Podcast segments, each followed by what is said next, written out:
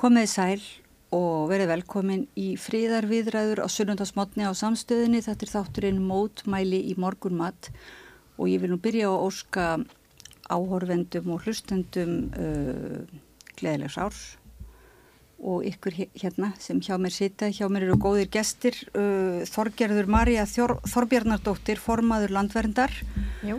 Árni Finnsson, formaður Náttúruvendar samtaka Íslands, Finnur Ríkard Andrason, forseti ungra ung, umhverfi sinna og Guðmundur Stengrimsson stjórnarmadur í landvernd. Og nú bara geta kannski áhörvendur og hlustendur getið sér til um sko, umræðu efnið fyrst það eru svona viklir hérna þetta eru eiginlega þetta er mjög stór prósenda ég vonu að segja við skildum ekki kannski mikið vera að tala um prósendur en ég byrja sjálfa að tala um er, því hérna þetta er stór prósenda af uh, því fólki sem er eiginlega í forsferi fyrir náttúruvernd og, og, og hérna svona talsmenn náttúrunar á loftslagsins á Íslandi. Mér langar eiginlega að byrja, byrja að hérna spyrja ykkur svolítið frétta af fundinum þarna COP28 þið voru tveir þar og Árni hefur nú oft verið þar og, og hérna Þorgeður kannski líka? Ég hef aldrei farið, aldrei sko, farið en ég hef alltaf fylst með og fer kannski næst kannski. en sko fannst ykkur þetta vera það voru svolítið svona óljósar fréttir sem við fengum.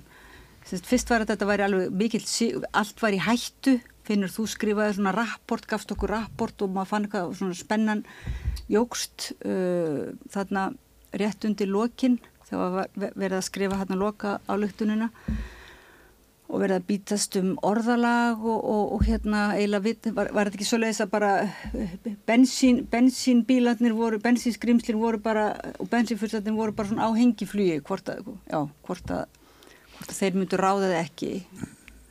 Já. Eða hvað, var þetta ekki En mér langar að spyrja ykkur svona svolítið fyrst, já, hvernig er þetta ekki upplýðuð þetta að þetta væri erfið, um, erfið, baróta? Þetta er spennandi, sko. Já, hérna, þetta er náttúrulega rosaleg, rosaleg viðbörður, þessi rástefna og það er bara strax það að hún skuldi þessi viðbörður sem, sem sprungin svona rosalega út, það voru 100.000 manns aðna, 45.000 manns í fyrra, að þetta er kannski einsum orsugum en, en hérna hvort það er tilfallandi eða, eða hvort það er varanlegt en allavega rosalega mikil gerjun og auðvitað er þetta búin að vera átakalínan á kopp bara frá upphafi hvort það megi minnast á jæraðnæðisniti sem er alltaf aðal ástafan fyrir hlínun andrúrslóðsins mm -hmm. það er um að brenna jæraðnæðisniti og hvort það megi minnast á það í þessum loka álutunum uh, sem að mörgum fyrst nú skrítið að, að kopp hafi ekki minnst á það áður en svona er veruleikin Þannig að núna var, var held ég margi komið á þennan viðböru með það í huga þetta er nú eiginlega sko í svona í lokina á hlýjasta ári já, síðan, já, svona, já, minnst að kosti 125.000 ár, mm. þetta hlýjasta ár 2023 og náttúrulega ótal hörmungar byrjaðir bara af veðna hlínunar andurslóðsins, lofslagsváinni bara byrjuði að herja okkur. Og þá voru margir sem lita á þetta sem bara úslita barótu að það erði að, erði að tala um fílin í herbygginu, erði að tala um jarðnæðisniti og það er rétt að hundir lokin sem var kannski þrýrdagar eftir þá komu drauga texta og það var ömulugur mm. og það var líka svolítið magnað að upplifa hver viðbröðum voru við því það eru þjóðir hérna sem eiga fulltrúa allir eiga fulltrúa og allir eiga jafnan, jafnan hérna, þáttukur rétt en það eru þjóðir hérna sem eru byllinins að hverfa við erum bara að para undir haflutin mm. þannig að það eru bara að berjast fyrir tilvist sinni og maður fann alveg þennan háska og let fólk í sér, það voru þetta mótmæli heldur betur, fólk letur í sér heyra og það er líka magna bara margir stjórnmálamenn líka bara láti í sér heyra af að þeir eru einfallega fulltrú og þessar þjóða. Mm. og, og þetta er mjög, orðið mjög sterk og, og áhrif mikið ríkjasambund þjóða sem er að hverfa út af lofstafsvá og þannig að það kom annan texti og hann var mun betri og hann er alveg þess aðlis að hann, það er minnst á jæriðnæðisniti í fyrsta skipti og hann er alveg þess fyrir, fyrir okkur sem erum svona komið þessari átt en hann er eitthvað.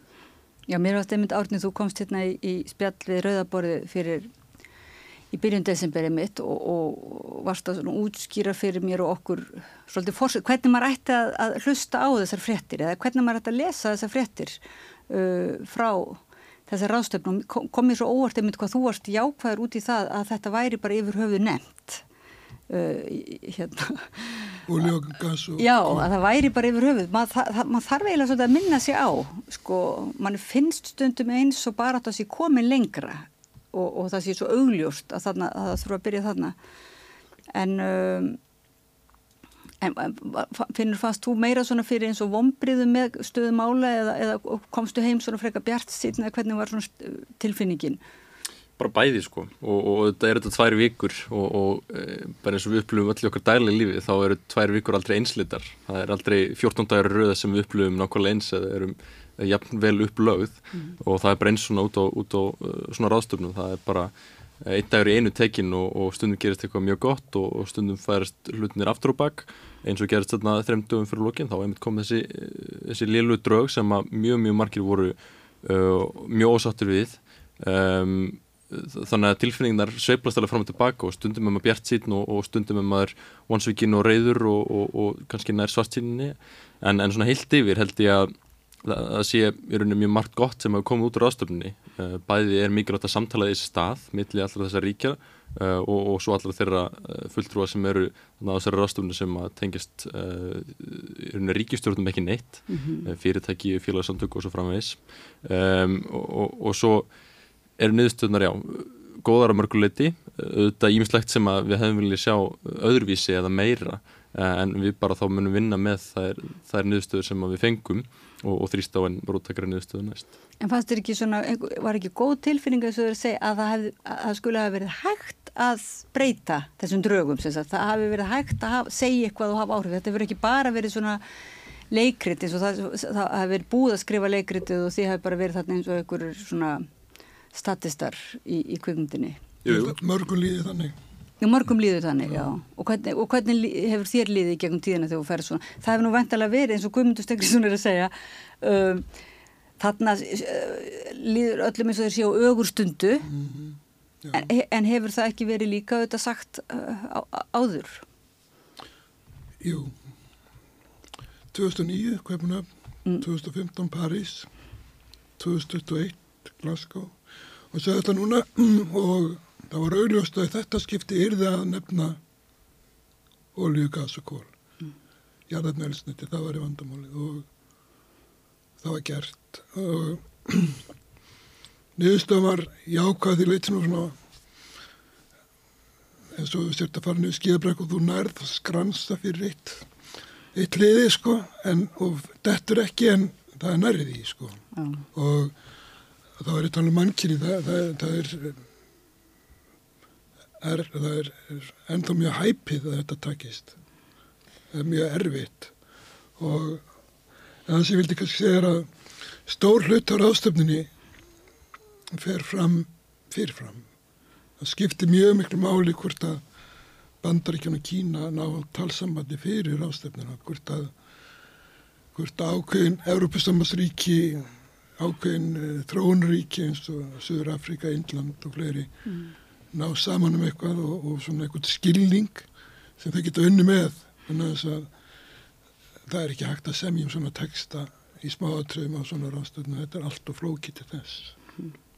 þannig að því, að því lítinu getur fólki niður eins og leikrindi og, og líka því að, að mörg margi þáttakundur, ekki síst fulltrúar fátakra þjóða fulltrúar lálendra eiríkja í Kirrahafi sem að gætu farið undir yfirbúr, horfið undir yfirbúr sjávar að þá getur þeim leiðið bara eins og í leikriti þau, þau sjá ekki sín áhrif en, en þó þessar þjóðir sem kallast á ennsku Small Island Development States eða sagt, smá eiríkis í trónríki þau hafa staðið gríðarlega vel saman núna bara 15-20 ár líka við og þeim tókst að breyta samningstestunum í París. Mm.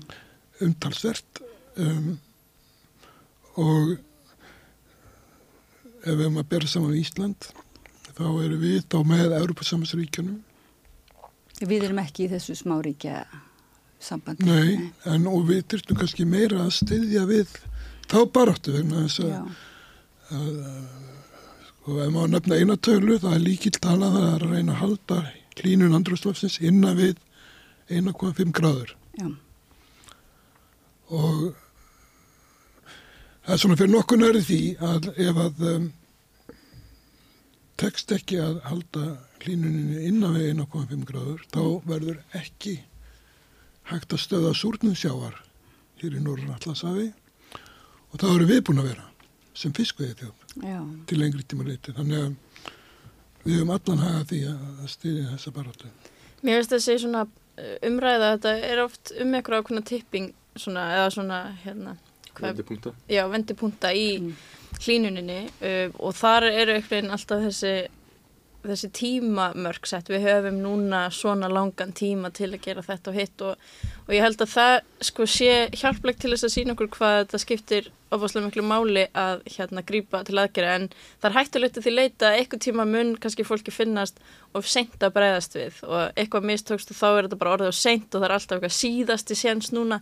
Og ég held að þetta, við sjáum þar strax orðnar mjög alvarlegar afleiðingar af hlínun jarðar og þetta snýst svo mikið um það að lámarka þann skada, hann er að fara að verða einhver hvort sem einhver líkar betur að vera og allt sem gerum er að fara að skipta máli.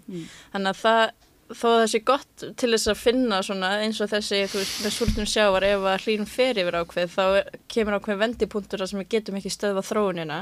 En á saman tíma þýr ekki ef við förum yfir þar vendipunktur þá er við bara að gefast upp. Uh, og það er það sem að mér hefur þótt aldrei hættulegt við þessa að hver einasta ráðstefna er einhvern veginn síðasti séns. Eða það er aldrei síðasti séns til þess að bregðast við og við eigum alltaf að stefna því að gera meira alveg sama hvað við komumst En er það ekki Langt. líka svolítið að því að við vitum einhverstaðar, þetta er bara eins og sko óþektarangi sem að fær, þú veist, síðustu aðvörun, að því við höfum komist upp með það frá því í hérna Paris til dæmis, að þar var, semst, var þetta mjög svona mikið talað um að þetta var, við varum á ögurstundu og Og, en, en svo einhvern veginn finnst okkur, líður okkur eins og við kannski komist með þetta þetta sé, að því ennþá við verðum að tala um þetta sé nú bara hysteria í, í svo, svona fólki, sérstök áhuga fólki um uh, hlýnun. Sko, ef maður komin að þetta, þá held ég að þetta einmitt hafi breyst. Og það eru núna næstu í liðin tíu ár frá París, sko. Og það eru tíu ár sem eru heitustu ár mannkjössunar sem eru þessi síðustu ár. Síðustu, en ef, ef næsta ár sem eru öll líkindum met ár líka. Þess að El Niño er ennþá í gangi og, og það stefnir allt bara að það verði ótrúlega hitamitt sett 2023 og þessi áratugur frá París verður heitast í áratugurinn. Og hann er bara sína þessi áratugur að þetta er ekkit eitthvað bara eitthvað áhugamál sumraði hérna sem við erum að tala um. Það eru bara þrýðungu Bangladesh fór bara undir flóð það eru brjálaði stormar hérna í var ekki Líbju og, og síðan er Kalifornia að glíma gríðarlega vandamál. Svo er nefni tölur. Bandar ekki menn halda yfirlit yfir hversu margar svona hamfærir fara yfir miljard dollara í kostnað. Það voru 25 á síðast ári. Voru kannski 8 þegar við vorum að semjum París. Þannig að þetta eru þessar tölur þetta er ekkit bara, sko tryggingafélag eru bara farin að hætta að tryggja nýjar eignir í ákveðnum svæðum sem áður voru eftir svona verð Það, og veist kostnæður við hamfærir er núna sko tvöfaldur á við, við, við, hérna hagvöxt í bandaringunum. Þetta er ekkit bara eitthvað svona bla bla, þetta er bara að fara að býta. Ég gerði það svona áhugamáli að fylgjast með bara sem pólitíkusinn einu sinni, að, og veit ég að pólitíkusar þeir tala ákveðin hátt og þeir geta ekkert sagt en til að hlutin áli beint út. Og svona ræðunar eru skrifaða fyrir þá og svona, en ég hlustaði á þá tala. Og uh, allir átt að tala í þrjá mínútur og Makrón kom og talaði í, í korter bara með, í sinni frönsku og alveg sama, alveg slett en þá er allir meira að minna að segja reynslusögur frá eigin ríkjum. Bara þetta er farið að býta við verðum að gera eitthvað. Það var enginn aðna sem var eitthvað að segja já, ekki ágjörða þessu, Nei. það er ekki þannig lengur Nei, Það er ekki engin þessum, tölfræðingur sem að segja, ég, núna kann ég starffræði og þess vegna get ég sagt ykkur að það er engar áhyggjur að hafa en þekkir kannski ekki viðurfræði það, Nei Það og er- eins og, eins og oljuríkin, menn það voru byrtar andan skýslur bara sem segja, nú ef, ef við gerum ekki neitt, þá er það þau í Já. persaflóa sem fara bara vest út úr þessu. Dubai sekkur bara undir sjáamál. Þannig að það er alveg saman. Það er náttúrulega Sem búið hefur að vera áhrif á nóg- hagvöxt. Já, það er náttúrulega búið að vera fullt af skýrslum, hagvöxtarskýrslum, alls konar skýrslum og loftslagsskýrslum uh, og svo eru einmitt eins og einstaka starffræðingar og svona sem að rekna út að þetta hafi engin áhrif En núna er það bara, en þú ert að segja, nú er það bara reynslu þekkingin. Já, við erum bara komin blúsandi inn í Já. loftslagsbreyningar. Það Jú, er bara, en, en það, er, það er þó þannig að stæsti skrifaði fjörmiðlansins í morgunblæði lítur á þetta sem tóm, keft, tóm keftaði. Það, er- það er þannig og, og, og hver gefur út mokkan? Jú, útgerðin. Já, Og hver losar einna mest á Íslandi? Jú, útgerðin.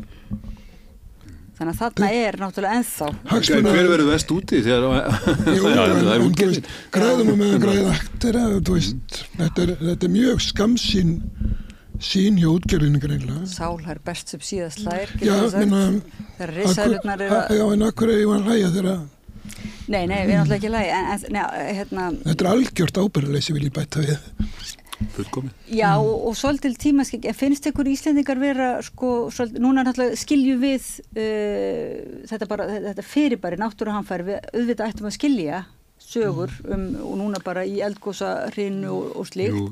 en að tengja það beint við uh, lofslagsmálum, það, það er stundum eins og hafi aðeins vantað upp á og svona þetta við erum kannski að því við, okkur finnst ekki vera þessi hætta við beitum okkur ekki með uh, smálöndunum eða hvað?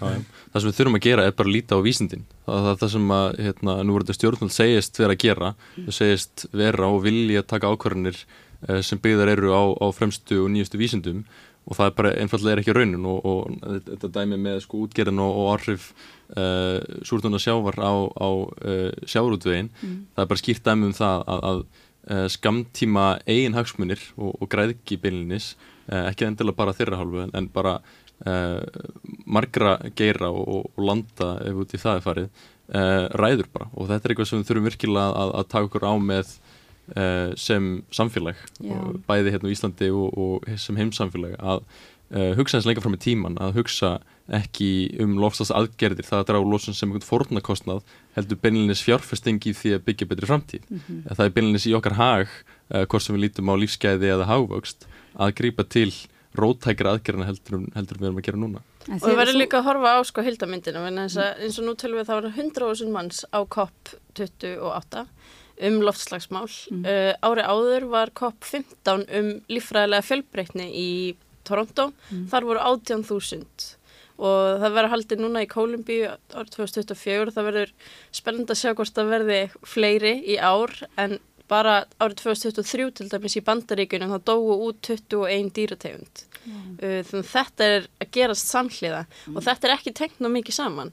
Og, hérna, og ég heyrði það frá kopp, frá, frá ykkur sem voru þarna í Dubai að það var mikið rætt um þetta en þetta skilaði sér ekki í umræðinu hérna heima. Og það fannst mér mjög bagalegt þess að hér erum við með stórbrotna náttúru og berum mikla ábyrð á því að varðveita hana og endurheimta það náttúru sem við erum búin að eðilegja uh, og það er partur í þessum lofslags þessum lofslagsmálum en verðist oft gleymast. En við erum ennþá kannski þar, við erum ennþá svona að hugsa um að reyna að græða á náttúrunni og bara svo ána með eldgós, þetta hafa verið sko túrista eldgós og, og hefur aukið ferðamenn og ennþá er einmitt svona umræðan svolítið einangruð.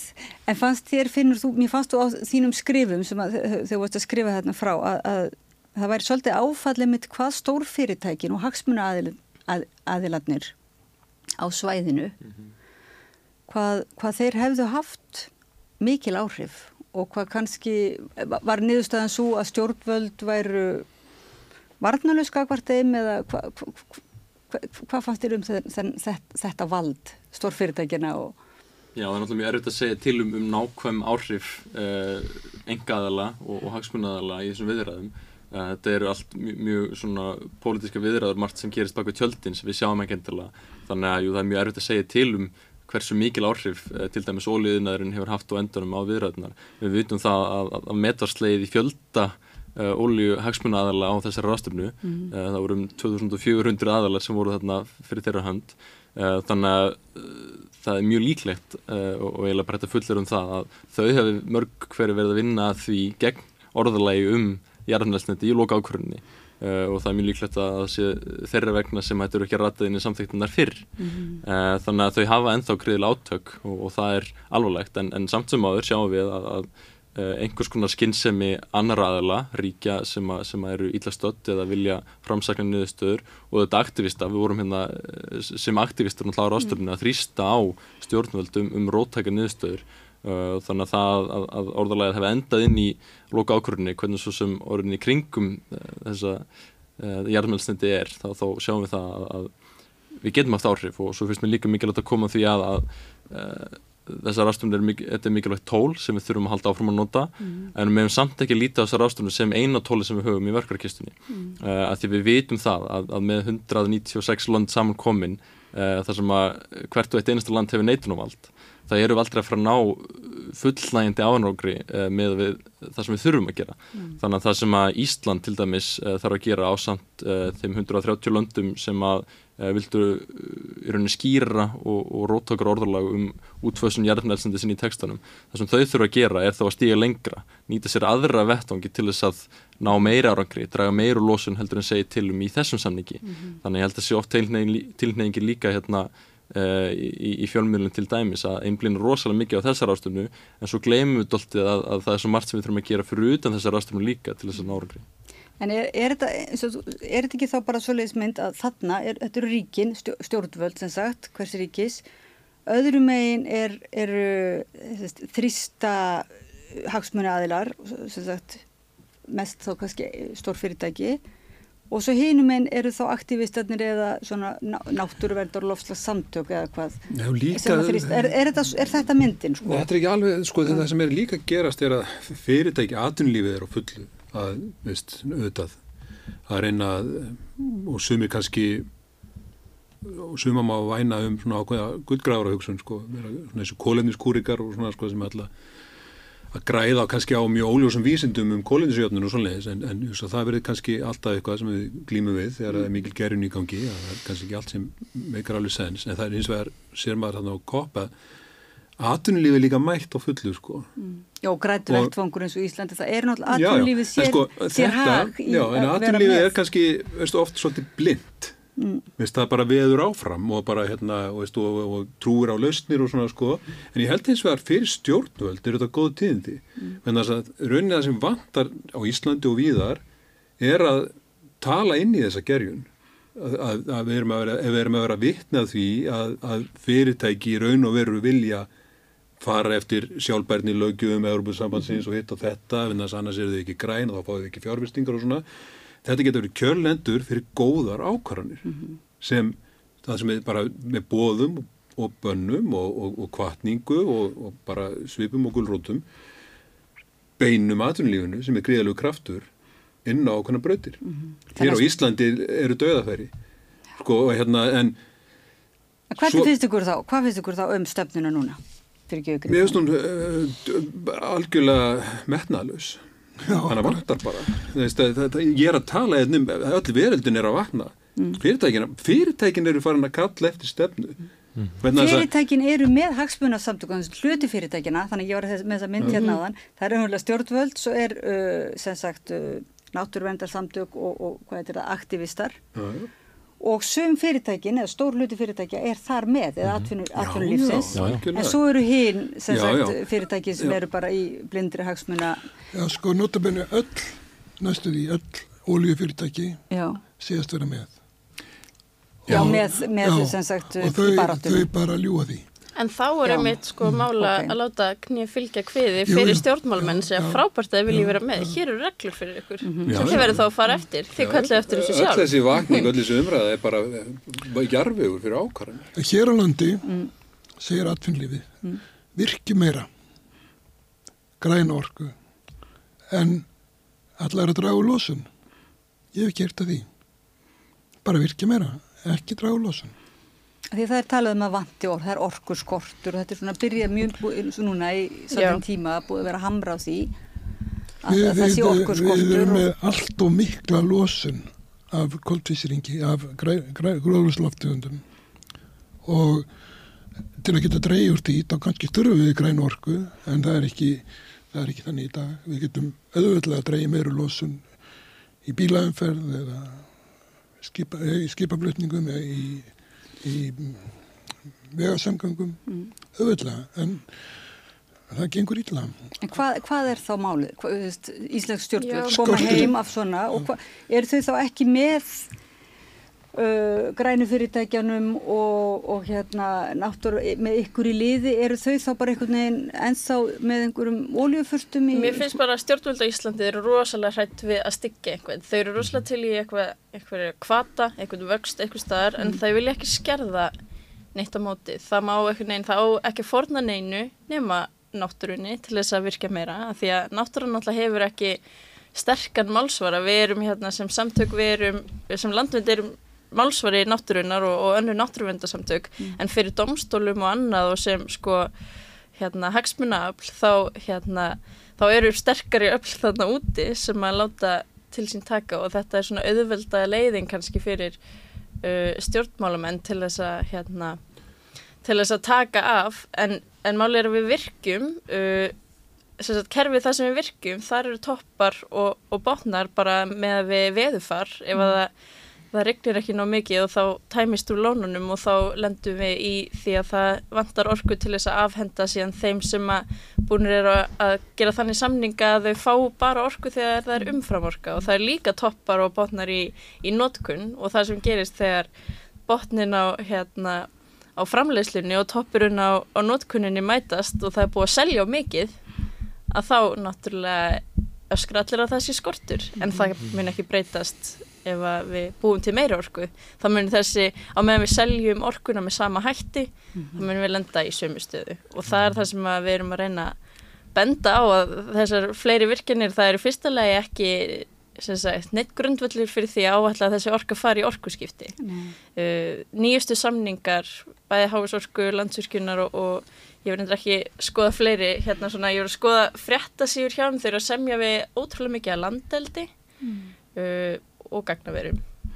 Og svo eru einhverju svona sem eru í þróunavinnu að búa til, til hérna rafeldsniti en ef að lausa orkan sem er til staðar núna fer í landeldi og, og gagnaver þá ætla ég hérna, þá ætla ég ekki að það muni breytast að það verði til meiri orka. Sko sjáu þið, ég má sko minna þetta, ég tala um að það vantar ákvarðanir, en það er líka mikið að þessu réttar ákvarðanir. Og á Íslandi hafa vissulega verið tegnar ákvarðanir, en það hafa verið ömulegar ákvarðanir og fáranlegt að við sem við þeirri stöðu núna að tala um orku skort. Við erum, svo, við erum það land sem framleiðir, ég held ég bara, svo ævindrilega mikið magna af orku á mann að það er bara algjör móðgun að segja að ég sé orku skortu. Það sem þurfum að ræða er hvaða ákvarðinu voru teknar með þessa orku. Hvernig á að nota hana? Það var tala hér eins og það væri bara endalust af orku á Íslandi og það er bara einhver 20 ár síðan, það var talað þannig, það var fullt af fólki, örgulega svona upp undir helmingu þjóðarinn sem sagði nei, það er ekki til hérna endalust af orku, það var bara vaðið áfram, það átt að tíðanbila að vera hérna 6-7 álver, ég myndaði hvernig staðan væri ef það hefði allt gengið eftir, þau eru núna þrjú, þau eru að fá megin hlutan af þessar orku á svona nokkrum stórkaupmyndum og þau eru sko kóletnis spúandi þetta eru, þetta eru, hvað er þetta, tvær miljónir á uh, tonna á ári sem koma þaðan innan hagkerfisins. Þannig við ákváðum já að verja okkar orku í þetta og í meðvist áðurinn lengri haldið þarf að sko afgræða kergjuna sem er út af þessari, þessari ömulegu ákvarðanatöku og það er bara ákveða, ætlum við virkilega að hlusta á það núna þegar þetta sama fólk kemur og beilinni sá að tala um að afhenda þessu orku, hún var eiginlega bara gefin. Bara á umulugu verði og tekið mörg ár að reyna að vinda ofan að þessum samningum eða það hefur yfirlega tekist. Ef við núna, þegar þetta sama fólk kemur og segir þurfum meiri orku já þá myndi ég segja að það þurfum allavega að ræða þessar ákvarðanir sko að það eru lengri haldið. Við þurfum að ákveða, minnst, við bara framleiðum alveg kapp nóg af orku, við þurfum bara að ákveða í hvað hún á að fara. Aðrar ákvarðanir sem eru teknar hérna stærsta umhverfislýsi í Íslendinga er nógun á landi það við bindum ekki, landi bindur ekki kólefni eins og það gerði hérna áður fyrr þegar áður en Íslendinga komi yngað og það er landbúnaðurinn meðal annars. Þar verjum við 20 miljurum ári að stiða eh, bara eiginlega þær greinar sem spúa mestu eða, binda, eða leiða til mestrar einingar á hérna kólindisbindandi jarvegi sem er mjölkuframlýsla og kjötframlýsla ef við getum breytt því, notað hennar pening og breytt því þá myndum við stíða stór skref. Þannig að bara, er þetta grafa ákvarðanir. Enn er verið að grafa skurði. Þess að lo- í dag, muna, þetta er alltaf Við erum, bara, við erum á hraðri leið og höfum bara verið í, í bara kolvillis átt út af röngum Já, þannig að þið eruð að lýsa því að það er, og við vitum það, það hefur sem sagt ekki orðið þessi hugafarsbreyting uh, hjá stjórnvöldum, það hefur ekki þessum nýju Við erum bara föst í skurði. Já, já, Það er.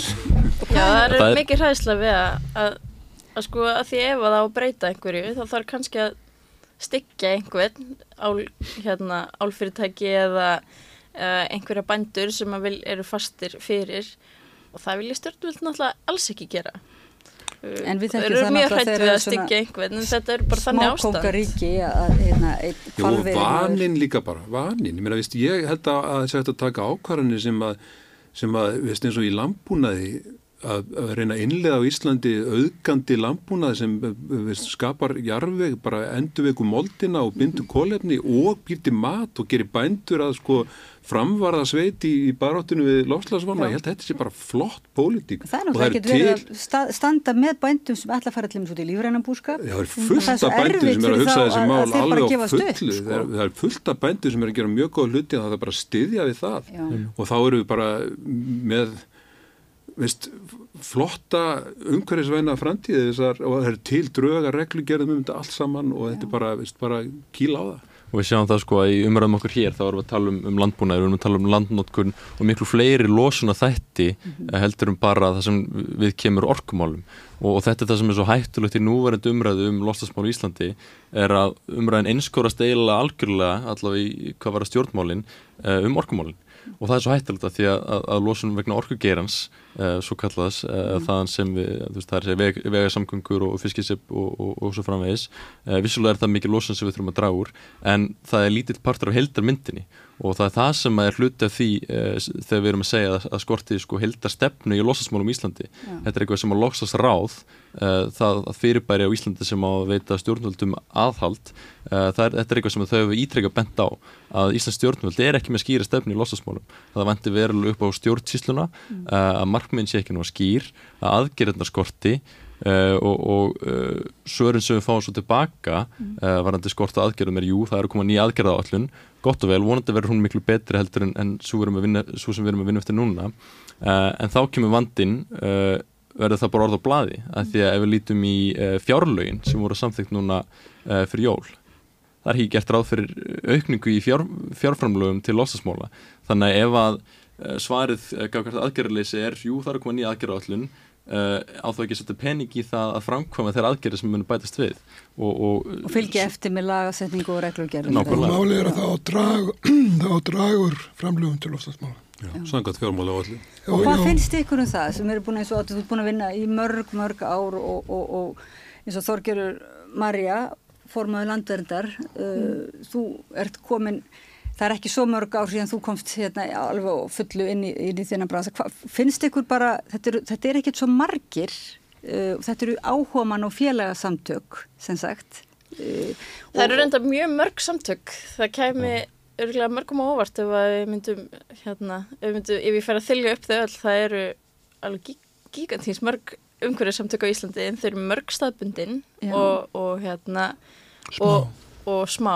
En þetta er En- náttúrulega mest bara í unniði sjálfbóðavinnu af fólki Já. sem hefur áhuga. Ég er að meina, sko, hvar er þetta formgerðin til þess að þetta er náttúrulega svo mikil vinna að halda stjórnvöldum við efnið og minna á allar skýrslutnar og reglugerðnar, halda ef, ef að til dæmis stórfyrirtækin, hagsmuna aðilar, uh, hafa málgagn, eins og, eins og þú nefnir árni, eru með heilt málgagn fyrir sig og, og heilan miðil og líka auðvitað kannski peninga til þess þá að ráða lögfræðinga til að sækja mál. Lögfræðistofur heilar. Já, já. Já, heilu lögfræðinga. Þetta er ójöfn staða, það er ekki spurning sko. En, en varandi fjármögnina í lofslagsmálum að þá hafa tekjuríkisins aukist uh, vegna sölu á losunaheimildum uh, þó að þau hafi síðan hérna sótum undan þáu til þess að hérna fá að gefa byrlins ókipis losunarheimildir til flugfélaga uh, sem þau fengu og lítið er rætt um en þetta er í rauninni bara niðugræslur og nótkun jarðnælsnýtis bara mjög beinar. Uh, en þar eru til dæmis tekjur sem að yrðu þá beinleins vegna lofslagsmála og, og sala á einingum er þar koma tekjur uh, út af loslasmálum og þær ættu náttúrulega að skila sér bara þráðbeint inn í málflokkin það gerir það ekki. Þetta fórsitsráðara, Katrín Jakobsdóttir, fór til Dubai og sagði að Ísland var að móti niðurgreðslu á jarðmælsnutum en hér heima allar ríkstjóðin að greiða niður jarðmælsnuti til flugs. Það er undan það sem fegst frá reglugjara Európusambansins. Það er að segja nota tekjurnar af það er þann hluta tekjuna sem að Ísland fær af sölu losun heimilda til að greiða niður elsneiti fyrir Æslandir og Player.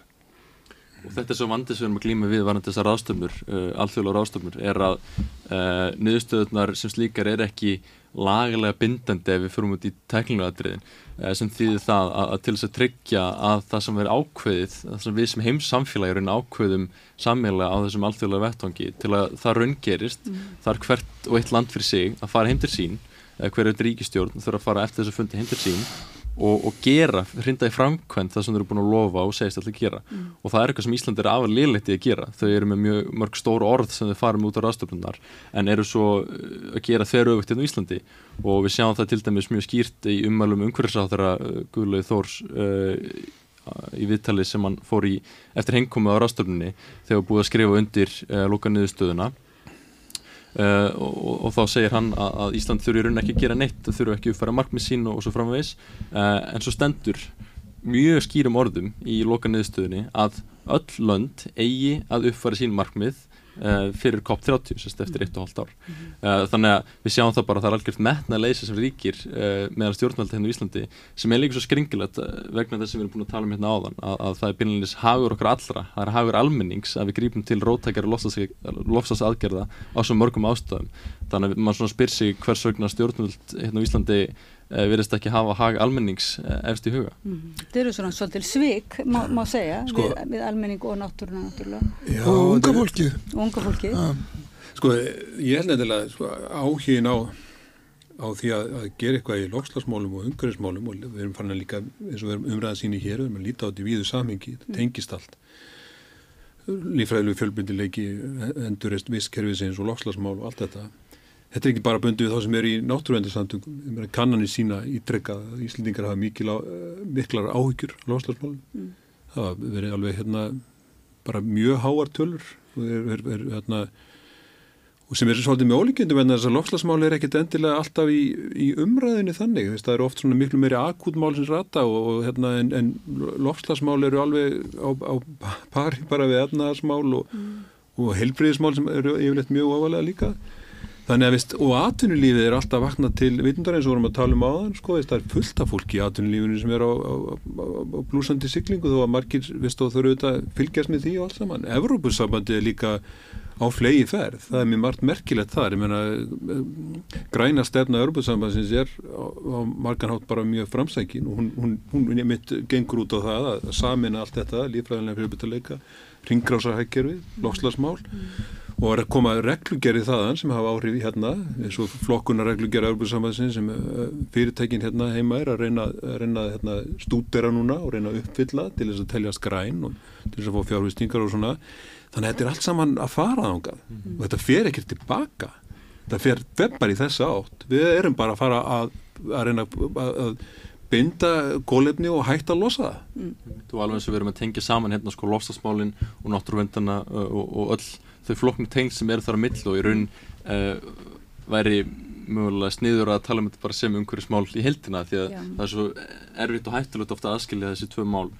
Og umhverfismál náttúrulega tengja síðan réttlætinu og félagslegu réttlæti eins og við erum náttúrulega og, og, og það sem langar að koma inn á sko að það, það sem að við þurfum kannski öll saman að gera betur í, í samfélaginu í Íslandi er að tengja ekki bara náttúruvend og lossasmál heldur líka umhverfismál og önnur samfélagsmál mm -hmm. það er að segja uh, fjármálastöðuleika og við lítum bara raunum að tengja lossasmál við sko umröði í samfélaginu núna sem er komið mest um, um verðbólkuna mm -hmm. uh, þá munu afleðingar lossasbreytinga koma til með að hafa mjög neikvæð áhrif á fjármálastöðuleika uh, á, á heimsmarkaði á, á vöruframbóð og svo framvegis. Mm -hmm. þannig að þetta er eitthvað sem að allir geirar samfélagsins hvort sem að fólk hefur áhuga umhverfsmálum og lostasmálum sem slíkum eða ekki þá er þetta bara eitthvað sem við þurfum í raun öll að, að að hugsa um uh, og, og taka ákvarðanir út frá.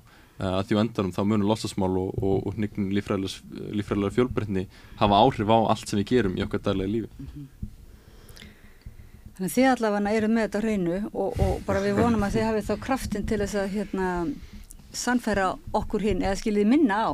Hvernig, hvernig líst, nú bara erum við upphafi árs og, og þið ætlið að vera í þessu er ekki bara að reyna að halda stjórnvöldu efni, reyna að koma fram og hérna, tala til almennings er ekki og, og rétta Jú. af ykkur og það er mm -hmm. skekkja hérna á, á Íslandi svolítið í, og þessi skekkja eins og þið segið þessi stjórnvöld tala um og það sem þau síðan er að gera öll, öll ríki heims á að skrifa undir niðurstöður vísindunemnda saminuðu tíðana um lofslagsmál öll mm. og ef að þau viðkynna sér vísindi og fara svo ekki eftir þeim þá, þá er mikið vandi á höndum Hvað er domstólinn sem að ja. hvað er eftirlitsaðilinn sem að hérna... sko, Ég held líka að það sé alveg mikilvægt að, og til þess að reyna líka, sko, það er ekki alveg umræða hefur alltaf tilningu til að fara í fingrabendingar og svona eins og kopp þá bend á oljuríkin, tíður að framlega olju, en það er líka með mikilvægt að benda á neysluríkin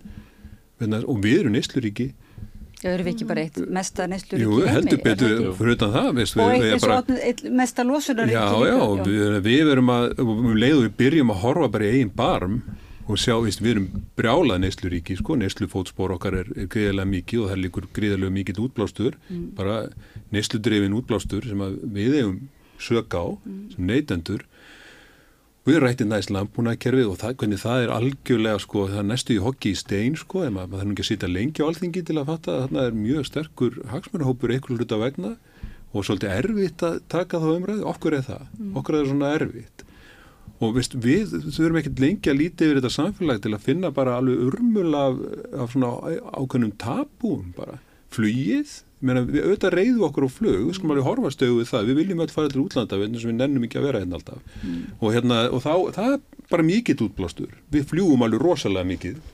Já og, ferða, og ferðarmennskan en, en, sko, en við skulum alveg vera heiðarlega við okkur, þetta er ekkert eitthvað alveg einfalt. En þarna eru við bara að horfa í eigin barm og við þurfum að hefja eitthvað samtal um þetta í, og held að það sé mjög margir til í það mm. Það verður svolítið gott núna í í fjölmiðlum eins og bara til þess ríkisútvarpinu eða væri hægt að hafa eitt ykkar og, og það er nú fleiri sem betur fyrr sem er í þessu svona eins og tákmáls hann er lítill ramið með tákmáls hérna, ta tala tákmál tákmál að, að þið myndu svona sagt benda svona ákveðina skýringabönd og sína heldarsamingið vegna þess að yðurlega fer umræðin yfir í einhver teknileg Mm -hmm. Ég er með þátt á rúf um það nákvæmlega hildarsammingi og það heitir Jæja. En má alveg setja hann bara í kassa. Ég meina, BBC og, og, og fleiri stöðvarum allan heim eru með loftslags og umhverfis fréttamenn sem eru bara í vinnu við að skrifa bara fréttir um umhverfis og loftslagsmál. Mm -hmm. við erum ekki með neitt svo leiðis hér, við erum samt með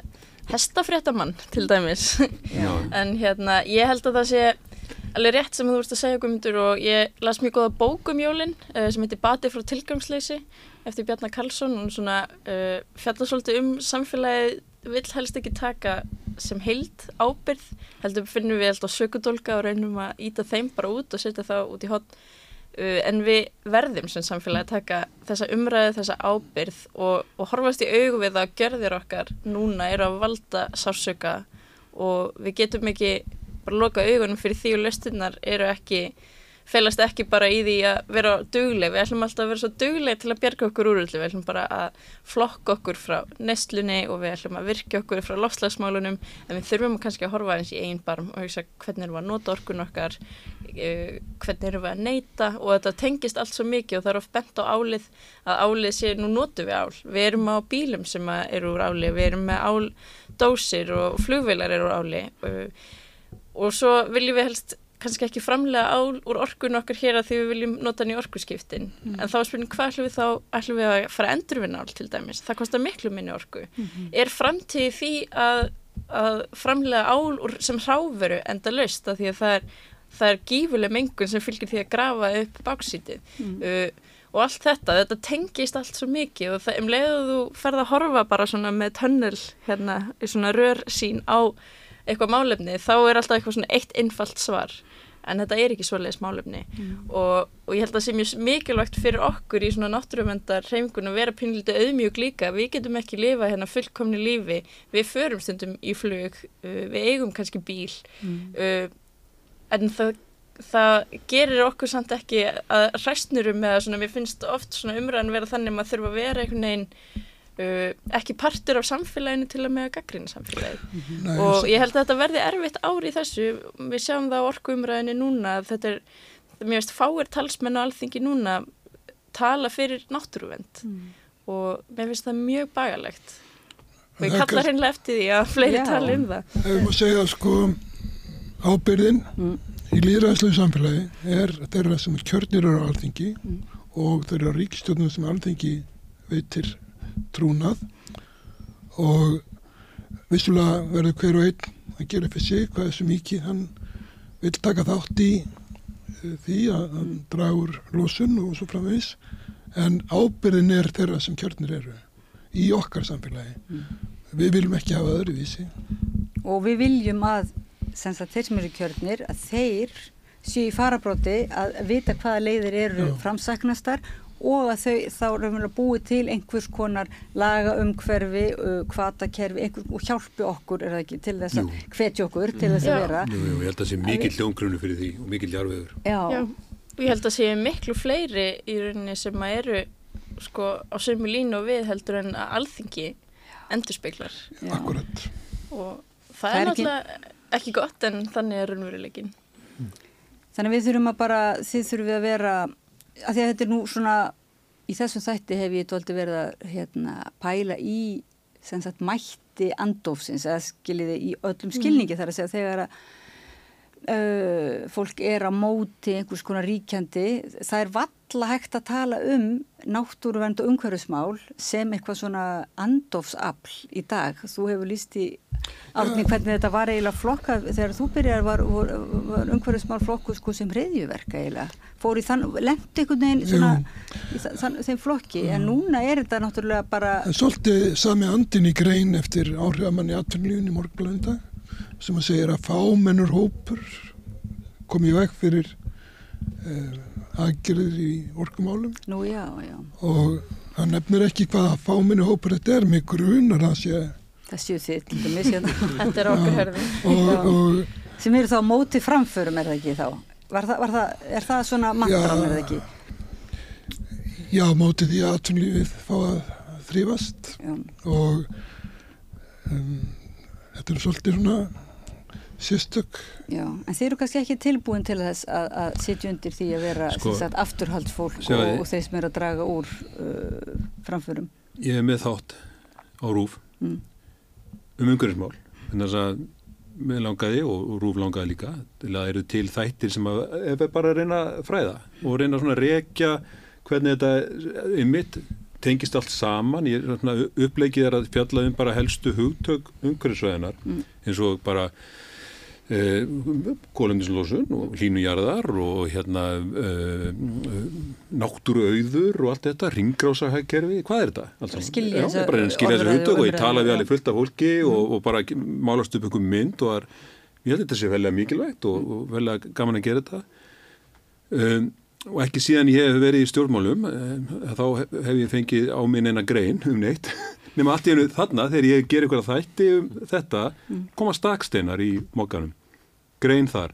Og þetta er bara hlægilegt en þó ekki.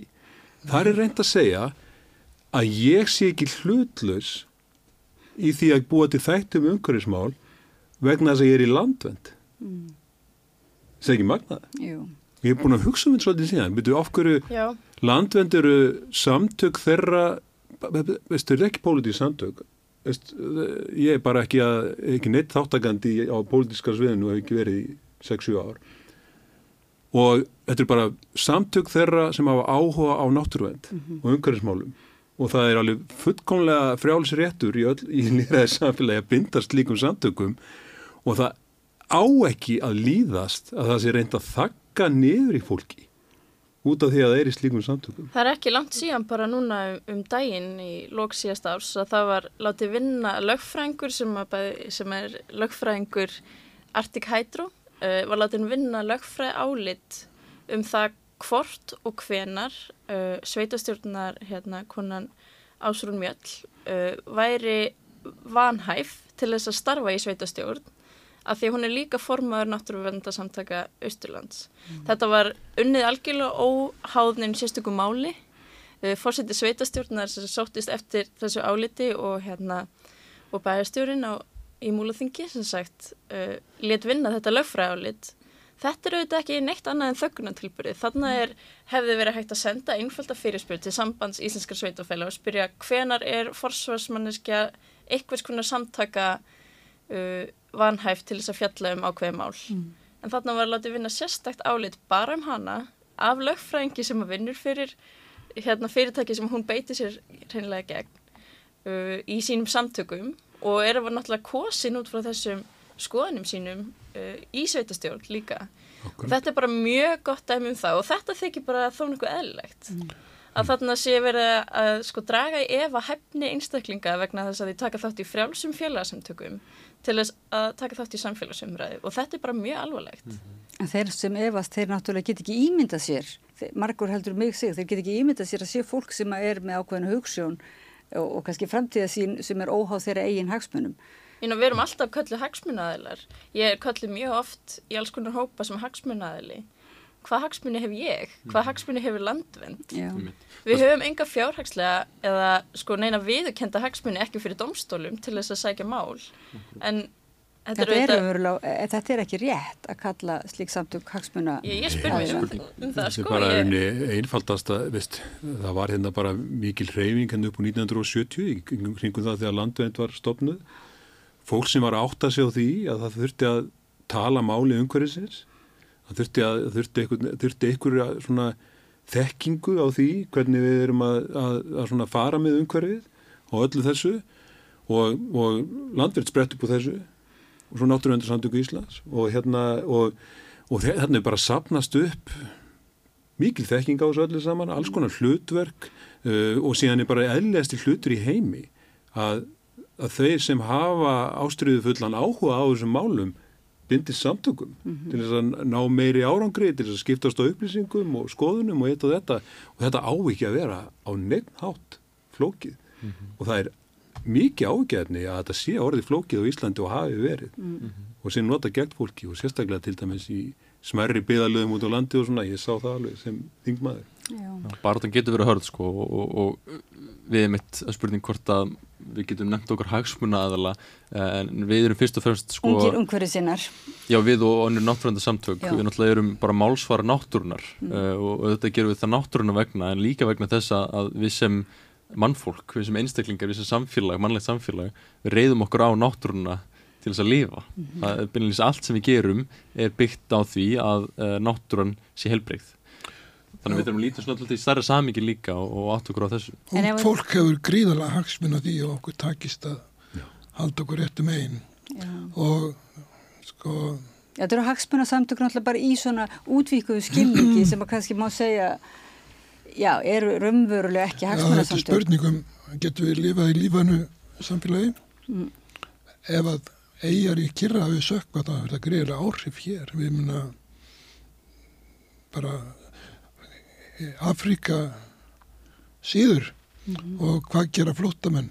Þeir flýja þangað sem er lífanlegt, Evrópu. Og bandaríkinn upplifið þetta núna með söður landamærum með Mexiko.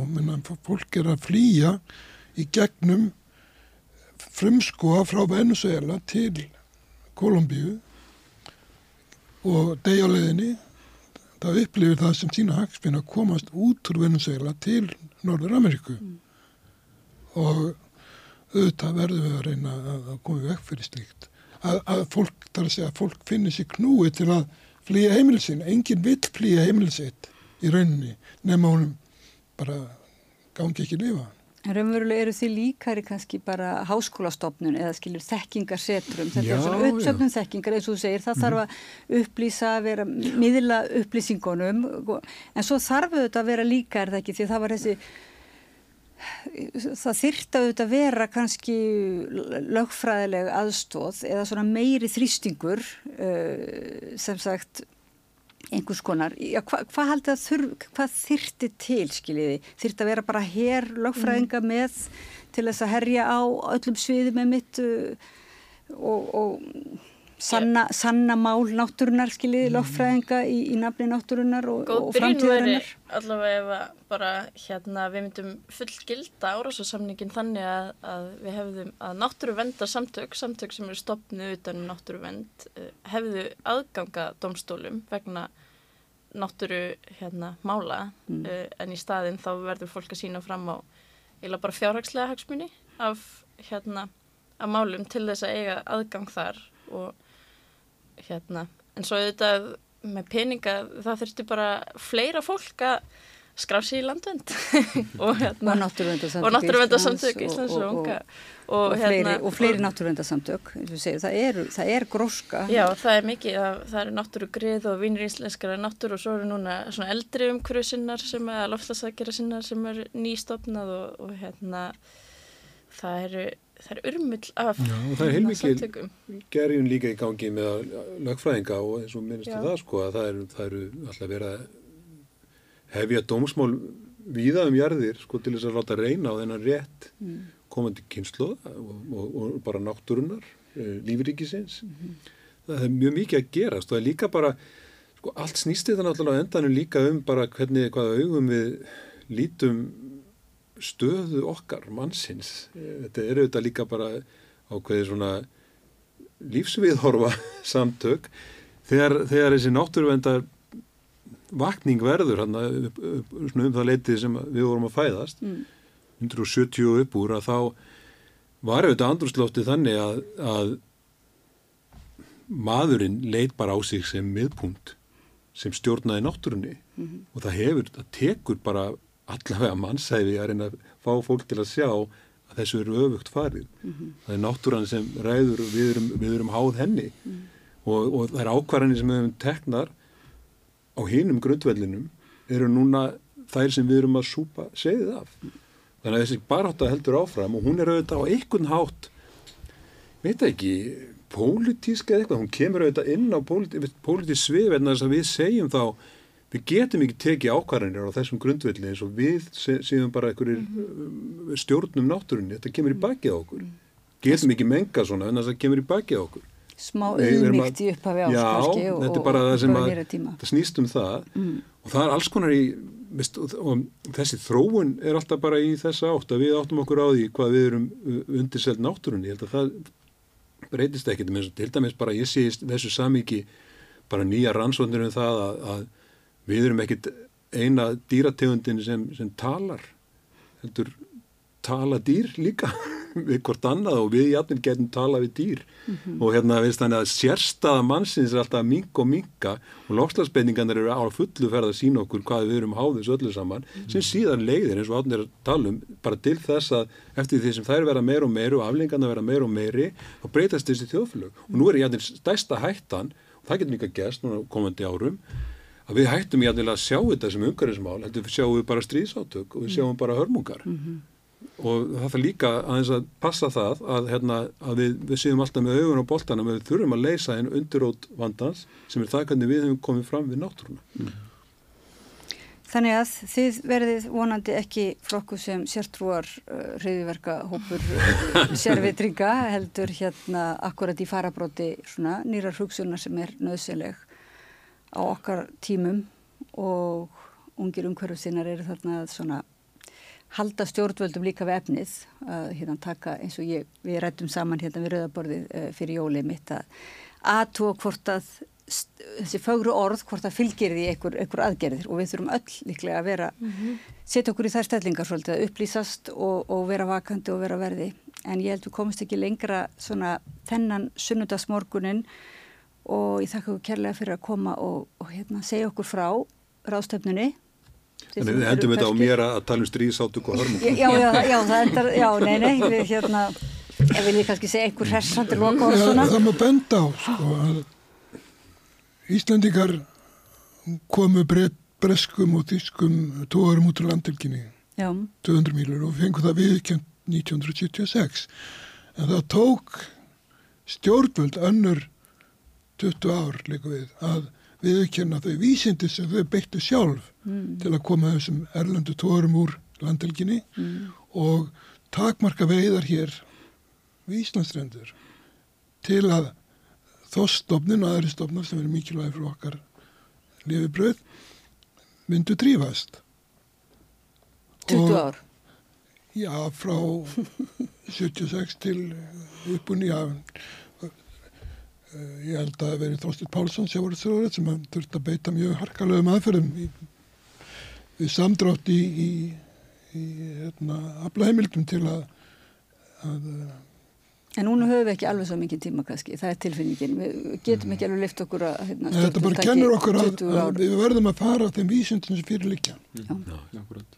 Og ég kannski kalla líka eftir því að, að, að almenningur og stjórnvöld uh, svona uh, talað um auðmíkt, setja sér aðeins í, í uh, spór þeirra sem eru nú þegar að verða fyrir versta afleggingu losasbreytinga við hefum það til að týnast í umræðinu heima en, en við erum í svo miklu forhundastöðu við þurfum að líta út fyrir okkar landstina til að átt okkur á því að við erum í rosalega góðri stöðu og, og við sem rík þjóð sem að er með hátt neyslustig, losa mikið gróðursloftöfundum, við byrjum gríðilega mikla ábyrð uh, og, og við sem eiríki ættum að að finna fyrir meiri samkend gangvart öðrum eiríkjum í heiminum, til dæmis smá eiríkjum í Kirrahafinu sem að fóru með, með grástafin í kverkarum heima af COP28 uh, og gáttu ekki sagt sínum ástvinum heima fyrir að þau hefur náð samkómulagi sem tryggir tilvist uh, þjóðar þeirra í framtíðinni. Þannig að ímyndum okkur ef Ísland myndi sökka í sæ, hva, hvernig myndi okkur líða? Myndi við fara til Danmörkur og, og byggðum alþjóðlega vend Við, erum- við, það er nú sumir sem spá því að Íslandikar verði náttúrulega bara umhverfis flottamenn. Þannig að það sé kannski bara eins gott. E- Hér þarf kannski endur við ekki kirkjuna bara, þú veist, að e- e- ef við tökum ekki vel á móti og, og, og hérna, hugum ekki að réttlætinu þá sem sagt munum við brenna í helvíti. Þannig að við Ekki endum segja- Þetta er betri, þetta er betri niðurstað. Þetta er betri lokum við, hérna, Þorgerum Marja, getur þú bjargað okkur komið eitthvað létt Já, lokum? bara, hérna, við sem samfélagi þurfum bara að, hérna, að líti einn barm og, og endur skoða hvernig við lifum og ég held að, að hérna, talandi um kirkina, ég mæli með þessari bók eftir Bjarnar Karlsson sem er einmitt prestur og hérna fjallar um samfélagið og hérna, En við erum öll svolítið á sama báti núna. Það er ímislegt svona, hérna, já, við, við, við þurfum kannski líka að skilja það. Stjórnvöld eru á sama báti og sagt, við hinn og, og, og við erum á sama báti raunverulega og þeir sem eru í litlu eiríkjunum. við erum alltaf í sama stormi, kannski sama stormi. báti. Já, Ég heldur raunverulega að það sé einmitt að síast inn að, að við erum á sama báti sko. við sitjum á sömu grunni sko, og við verðum að hætta að saga ok. sagan undan okkur og ég held að, ég held að svona endur þetta á jákvæðanótunum þá fannst mér ég alveg skinja það á COP28 að það er þetta er að síast inn sko og kannski eru við bara öll þannig gerð og, og gott að vita það að við erum alltaf með allt niður um okkur og alltaf alltaf á síðustu stundu það var ekki bara ég í jólaprófunum í galanda heldur er mannkynni bara gert þannig Jú, en svo er líka þá hægt að retta. Það er Já. hægt að hérna, taka þetta og- bara, og hérna- sam, samtakamátturinn var mikill þrátt fyrir allt, þótt að sumir hafi auðvitað farið. Ná mörgu Kannski- er nú þegar tapað. en Kannski er það ekki bara íslensk mantra Og að þetta til reddast. vinna, En, veit en við, verðum, þetta retta, við verðum að retta Þá, þá skulum við enda þessu á orðinu saman. Það er hérna, við rettum þessu saman vonandi og áhörvendum og hlustendum. Þökkum við bara uh, þáttökuna og hér voru hjá mér Þorgerður Marja Þorbjarnandóttir, formaður landverndar, Árni Finnsson, formaður Náttúruverndarsamtaka Íslands, Finnur Ríkard Andrason, forseti ungra umhverfiðsina og Guðmundur Stengrimsson, stjórnarmaður í landvernd. Kæra þakki fyrir. Við höldum spjallinu áfram á eftir. Takk. Takk. Takk.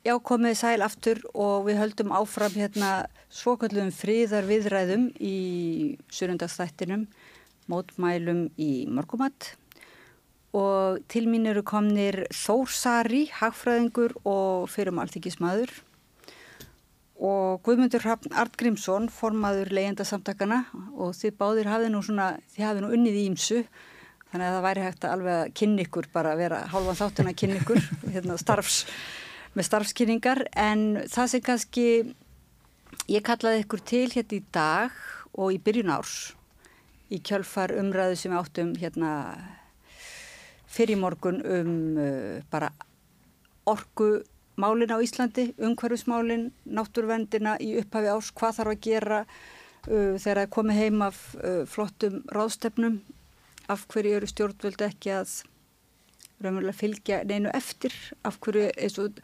förum alltaf aftur nýra núlpunkt og, og hérna og þeir sem er að berjast sem sagt fyrir hagsmunum náttúrunar og framtíðarinnar og barnana í framtíðinni eru rángtillaðir umverulega verandi í hagsmunarsamtökum eins og þeir, þeim gangi eitthvað skringilegt til og uh, já, jáfnveil svona reynda að gera lítið úr þeirra mál málsvar og mér langaði til þess að spyrja bara reynverulega uh, tilefnin er nú kannski svona tvö praktis alveg og í okkar samtíma núna í byrjun árs en, en, en líka kannski fá aðeins að heyra um ykkar reynslu í þessu andofi að því hafi nú báður verið mjög duglegir við að reyna að semst andæfa um, því sem þið teljið vera mjög óskynsalega uh, aðgerðir stjórnvalda. Og uh, núna er það nú er það sko var það ekki fréttu bara í gæri eða fyrra dag að þá aftur að sitja kvalárvirkjun og dagskrá, kvamsvirkjun um, þvert á sagt, það sem að vísundafólk segir uh, sem, og þvert á allar raunverulega svona skinsamlegar mælingar mm -hmm. og svo er það varnagarðurinn uh, kring, kringum Grindavík og þar uh, er það Bláalónið og H.S. Orka sem að kannski hafa ekki fengist eða er ekki einu sinni beðin um að taka mikið þátt í kostnaði varnagarðsins. Enga fyrirtæki. Já.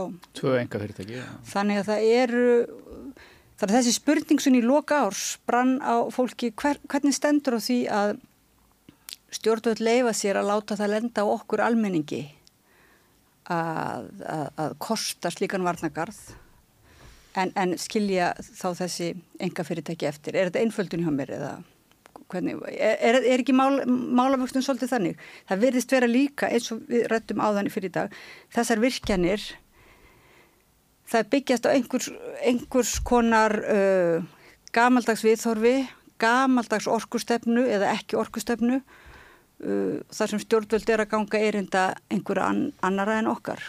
Já, ég, sko, ég kannski byrjaði að að, hérna, uh, gott á rættur með varnagarðin, að byrjast svona fréttir ekkert fyrir löngu síðan um að H.S. Orka hefði greitt hlutöfun sínum út 33 miljardar í arð á undanfjörðunum 6 árum. Mm.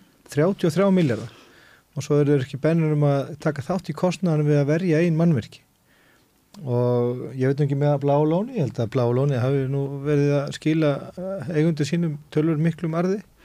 Uh, og fengum með þess að uh, hérna, meðgjöf frá stjórnvöldum henni hérna kringum heimsvaraldurinn mm. þannig að það er búið að mókundur þessi fyrirtæki. Bæði hefur öll stefnumótun á Íslandi uh, miðast að því að þjónusta þessi fyrirtæki og uh, þau hafa uh, notið góðsaf eiginlega öllum hérna, fyrir öllum verkum stjórnvalda Uh, og greitt hlutöfum sínum, sínum út 20 miljardar í arð. Og svo er ekki einu svona farið á þessu leit við þessi fyrirtækjum að, að þau taki þátt í að verja sín einn annverki, mm. þetta er alveg magnað. En það er eins og það er alveg rétt að það eru núna nýjar fyrirætlar um uh, að setja kvalaverkjun aftur á darskrá og kannski koma því síðar en það eru náttúrulega fleiri svona verkefni á, á döfinni. Og svo kannski eitt uh, í því samengi, það var svolítið mikilvægt að uh, aðtómi fórsendur fyrir þessum virkjuna kostum uh, hvert, og hvert er tilgákur með að aflasara orku, eða verði að aflasara orku til þess að almenningur fái meira orkuörgi, lagra verð, hver eru félagslega fórsenduna fyrir þessu, vegna þess að, að mér hefur sínst stundum þessi verkefni í raunni eiga bara þjónusta Uh, auðvaldinu eða peningarvaldinu mm. og séu stundum reynlega bara verkefni sem ekkert verið að meina með heldur reynlega bara verið ofta sjúa peninga út úr nærsamfélaginu og, og, og raka til sín uh, alls konar hlutafið og, og jafnvel það sé eiginlega eini tilgangurinn að því að ég veit ekki hvort að við búum við nokkuð við orku skort, er það málið? Nei, ég held nú ekki, en það er aðtillisvert þetta með HS orku og þessa miljarda í argreðslur vegna þess að það er ekki lengra síðan en í gæra þeir voru að hækka verð á rafmagniti í Vestmanni um 18% sko Já. og, og, og hérna og málið er að þetta eru enga fyrirtæki þetta eru tvö enga fyrirtæki og það er kannski skiljanlegt að, að, að það þurfi á einhvern hátt að verja sko almanna hagsmunni með því að verja orkuverið í svarsengi en það á ekki að vera alfærið á kostna skattgreðanda í landinu og ekki hjá fyrirtæki sem að greiðir út svona gríðarlega fjárhæðir í arð. Og svo líka verðt að benda á að, að varnagarðurinn sem að búið er að byggja að mestu leiti uh, ef hann hefði ekki færið í kringum bláalónið þá væri hann helmingi stittri og þar á leiðandi helmingi ódyrari þannig að þetta er bara varnagarður í kringum Grím Simonsen að stórum hluta líka og, og, og hann er náttúrulega í fyrirtækjarekstri með, með, með Gulluði Þór og eiginkonu hans umhverfis og orkumálar á þeirra þannig að þetta lyktar sko hérðan og til suðuskautsins að spillingu þetta dæmi, það er bara þannig þetta er bara gerspilling og, þannig að þetta háast orkudæmi og, og ógeðið í kringum það fyrirtæki sko heldur bara áfram. Uh, stóra myndin finnst mér ef maður horfir á þetta svona svolítið og fjarlæðið að þá er náttúrulega í gangi núna alveg gríðarlega þung ásók í alla orku á Íslandi og við erum með sko þetta fáránlega fyrirkomulag að ráðherra orkumála er líka ráðherra umhverfismála. Og það sem þeir eru að gera er að þeir eru að henda öllu í einn pott. Þeir eru að henda en virkjunum virkjanakostum, háhittasvæðum þeir eru að henda en vindmilugörðum út um all land og, og verkfræðistofurnar, þetta náttúrulega snýst svolítið um það að verkfræði geirin og verktaka geirin fái nú að gera. Uh, það er aðteglisvert að Jón Gunnarsson til dæmis, hann var alltaf með skrifstofu húsnaði frá kraftvílum í Kóbói þegar hann var í sinni kostningabarótt gaman að vita hvað hann borgaði fyrir það í leigu. En eh, þetta snýst um það að henda eins miklu og hægt er með alls konar hugmyndum og pælingum, niðurdælingu á, á, á, á hérna CO2 í Strönsvík vindmilugörðum út um allt uh, vettnisframleyslu á reyðafyrði þessi er öllu hent saman í einn risastóran pakka og svo stendur Guðlugur Þóri yfir þessu öllu saman og hrærir í til þess að búa til eins mikla óreiðu og óanæju og villandi fréttaflutning og villandi upplýsingar og hægt er. Þannig að þá geta loksins komið fram og sagt já, loksins er komið niðurstaða í allavega eitt af þessu.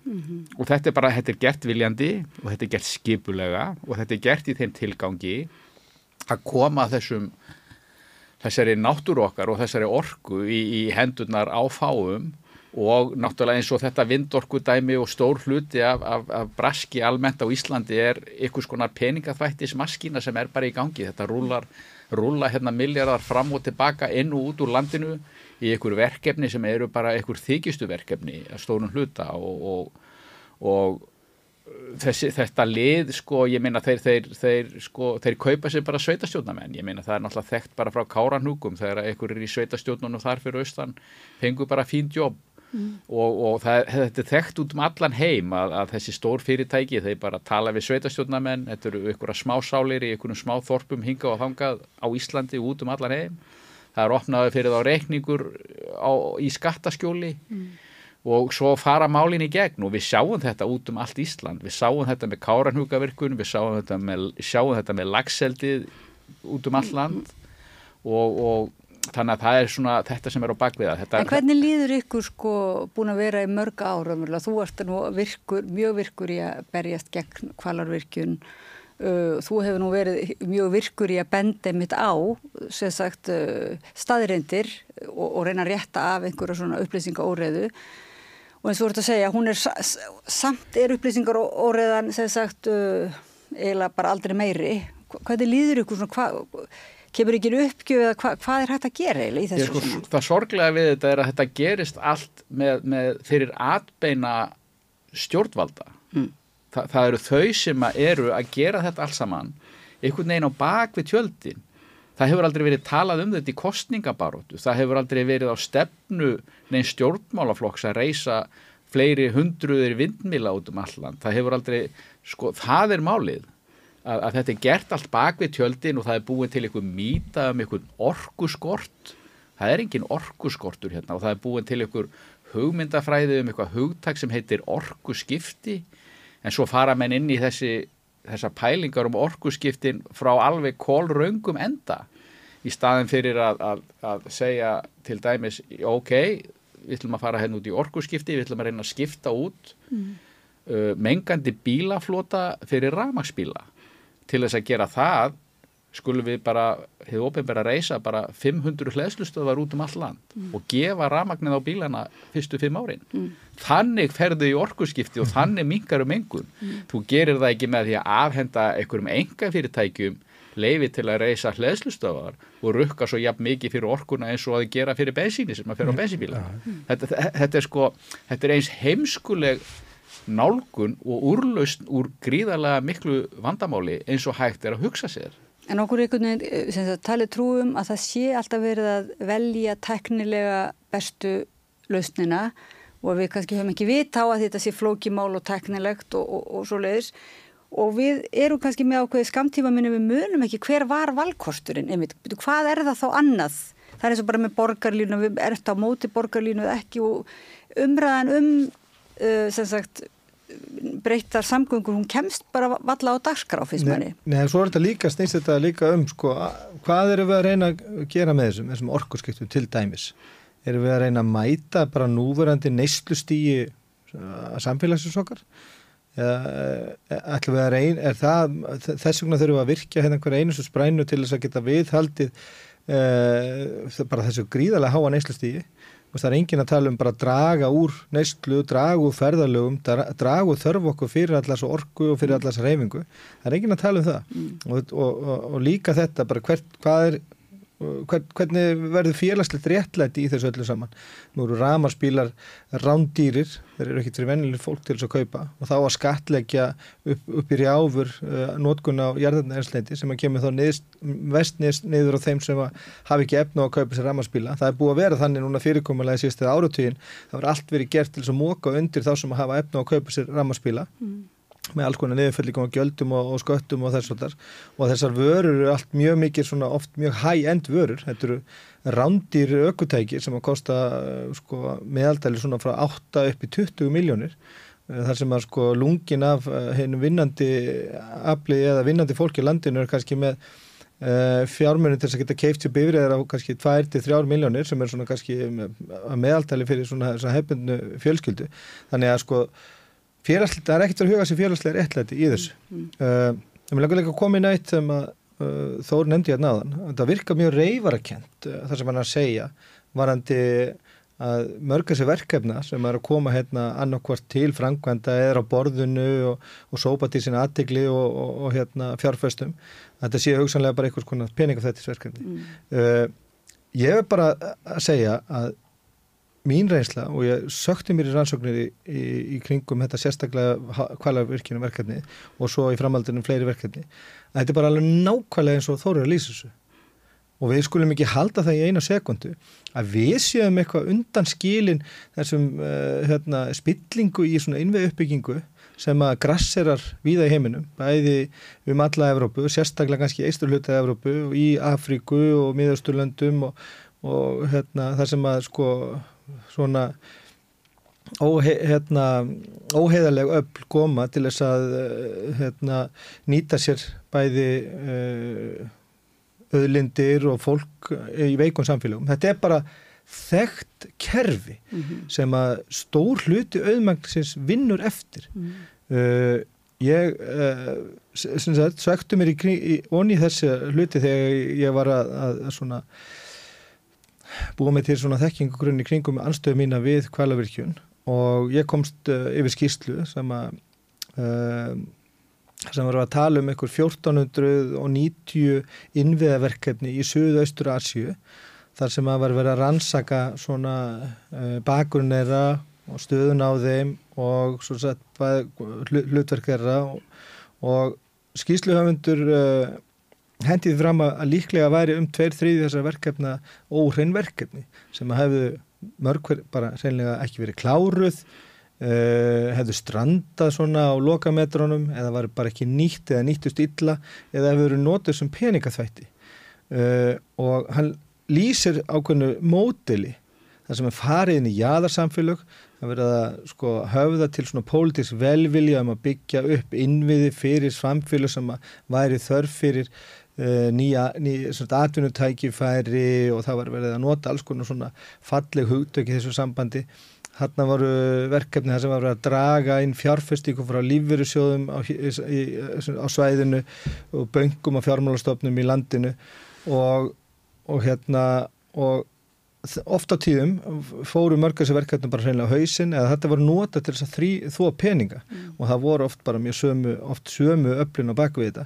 Og þetta er nákvæmlega sama eins og gerðist bara kringum kvalavirkjun að uh, kringum kvalavirkjun þar eru aðeira sem að uh, lendu nú hérna fórsöfum, á fórsöfum bladana uh, yfir langan tíma sem að stóðu að uh, kísirverðsmiðinni í Helgavík sem var nú frækt fyrir að vera eitt stæsta peningafættismál Íslandsögun að það sem að 23,5 miljardur tapaðist í, af lífyrs frá og böngum og þetta voru sömu aðeilar og ætluðu sér að standa virkjunni í, í Kvaló mm. og með nákvæmlega sama hætti.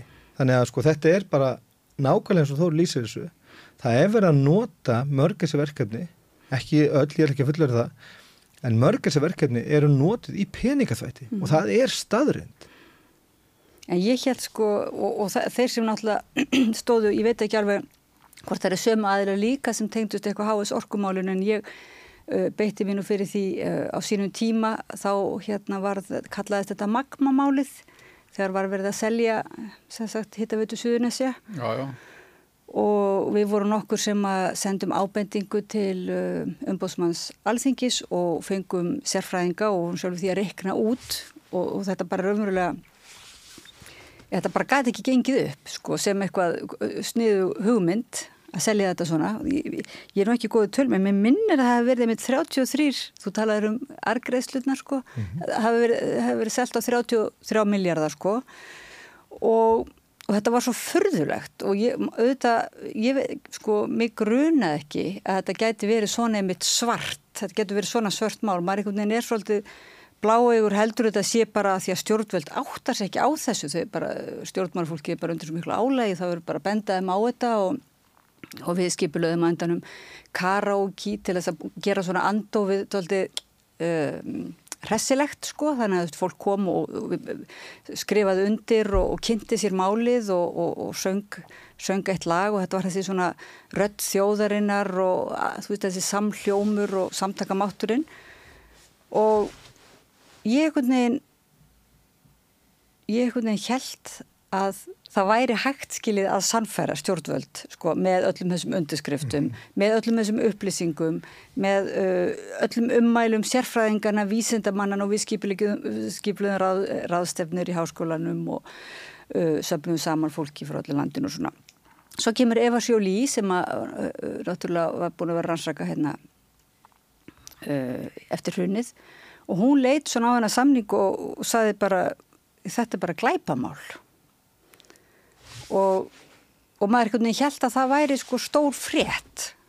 Og ég maður hvað ég fyrir opaslega vonbriðum einhvern veginn að það var, þetta kom bara allir fréttum að þetta væri glæpamál.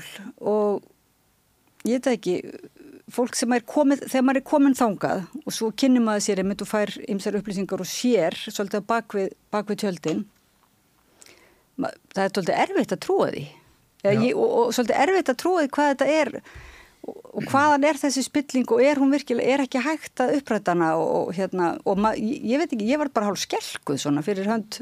Já, já, ég meina, það, en það er sko, og það er nú eitt af því sem ég lærði því ég var á, á, á þinginu, er að sko, ákvarðanar eru teknar í bakherbyggjum.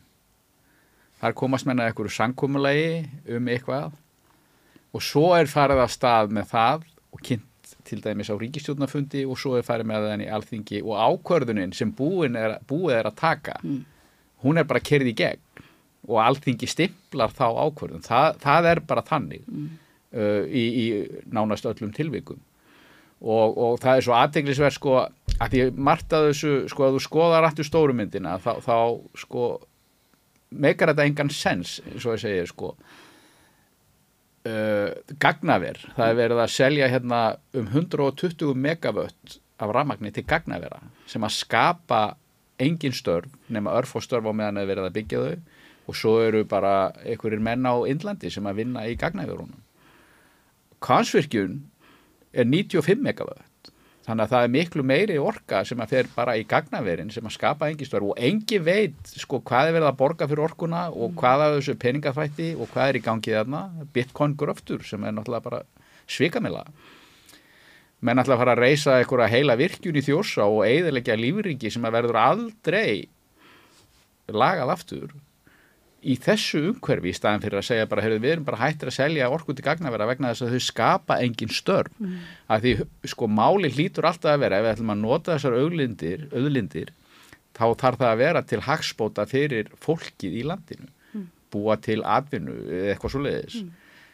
þú skoðar álverin, þau nota um 80% af allir orku sem framleitt er í landinu það vinna 1300 manns í öllum þremur álverónum það er 0,8% af vinnuaflinn í landinu. Mm. Það er allt og sumt.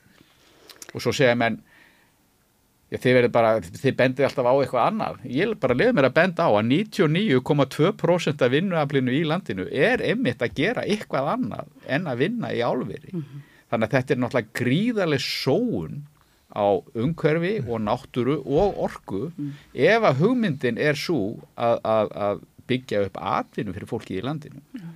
Það sama er með lagseldið. Það vinna hann að sára fáir og þetta er allt fólk sem er, sko, þetta er innflutt vinnuafl að því þeir tími ekki að borga kaup og, og með fullri veriðingu fyrir öllum innflýtendrum á Íslandi að þá er það ekki hlutverk Íslands að skaffa atvinnu fyrir atvinnulust fólki í Európu. Það bara er ekki það og það áaldri að vera þannig. Þa, það er bara fáráleg hugmynd miklu frekar að búa til ykkur skonar atvinnu og störfi í landinu sem að greiða þá almennileg laun og, og, og verða mörg í staðan fyrir, eins og ég segi, 1300 störfi í álverum. Þannig að stóra myndin, ef þú horfir á hana, þá, þá er hún svo mikil vittleisa og það er ekkert verið að fara út í þessar virkjanir út af ykkurum orgu skiptum. Það er verið að fara út í þessar virkjanir út af orgu braski og einhgu öðru. Já. Það er bara þannig, sko.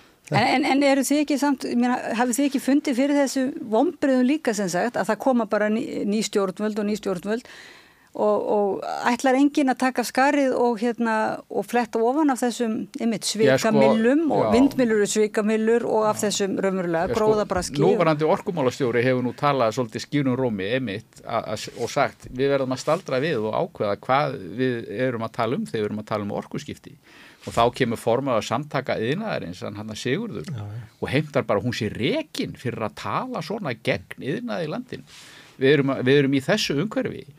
Uh, fórstjóri Orkuveitur Reykjavíkur benti á það á sínu tíma að, fyrir örfóðum áru að það væri 7% umfram orka í kerfinu á Íslandi. Og af þessum 7% þyrti innan við helming eða rétt um þrjú til þess að rafvæða allan bílaflótan á Íslandi mm.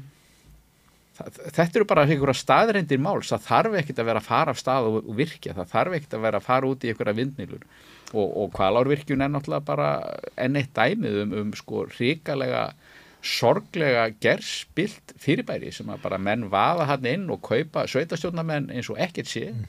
og fá bara samþygt eitthvað að það eru þrýr, það eru þrýr aðilar í sveitastjórn sem að ráða því að stór hluti vestfjörðakjálkans og óbyðuna þar eru eðlagar, það er einhverju þrýr Já. og eitt er að gera það vegna þess að honum að gefi fjórhjól.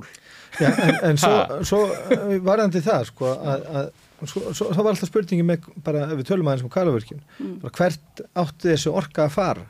Uh, það sem lágaleg fyrir að bara koma þessari orku inn á kerfið kostiði marga miljardar og landsnet á þeim tíma þó að sé einhver annar tónið þá þeir voru ekkit eh, áfjáður um að fara að leggja hérna tvö tengivirki og, og línur að kvalavirkjun vegna þess að, að það þurfti ekkit að, að auka orgu öflun fyrir vestfjörðkjálkan það þurfti bara að laga ringtenginguna um vestfjörðkjálkan það var aðfinningur öryggi sem að, sem að hérna, vandamála vestfjörðum, það var ekki orgu öflun, það var nóg orka til í kerfinu það var uh, óumdilt það var, var sko þess að gömlu ramlínu sem að í, um vestfjörðkjálkan, það er vandamálið. Mm. og þarna koma uh, þessi aðlegin og það er svolítið magnað við kvalavirkjun að uh, hún skorar áberjandi legst af öllu þessum virkjunarkostin sem þá voru í rammaállin, ég held að hann hafi verið sko með einhverna fjórir meðan að svona meðaltalið af hinu virkjunarkostnum var frá einum tveimur. Þar að segja sko hve- hversu hérna svona slæmir kostinum væri, ég held að það væri sko að tölutnum var þannig að, eftir því sem var næri einum var það, voru þar físilegri Mm. en hvalavirkjun var þarna sko meira en tvöfalt eh, svona verri kostur heldur næstvesti Mm. uh, en fram til það kosturinn sem er farið fyrst í það er fyrst og það er mikið sko, gengur mikið á að koma þessu á uh, og þegar ég er að koma heim á námi hérna 2007 og fyrir að vinna á verkvæðarstofu þá er eitt af fyrstu verkefnum sem að ég uh, fæ svona í fangið þá er almenna verkvæðarstofan reyndar með þetta verkefni kvalavirkjun og þá leit þetta verkefni allt öðru svo út vegna að segja, ég er alveg upp hérna á þessu svæði og ég ólst alltaf upp við þá hugmyndum að, að kvalá vassmest að fljóta á vestfjörðum og það er gríðarlega orka sem býr í ánni og það kemur að því að þetta verði eitthvað virkjað og þá var alltaf hugmyndin svo að þessi orka uh, að þá verði bara áinn virkjuð.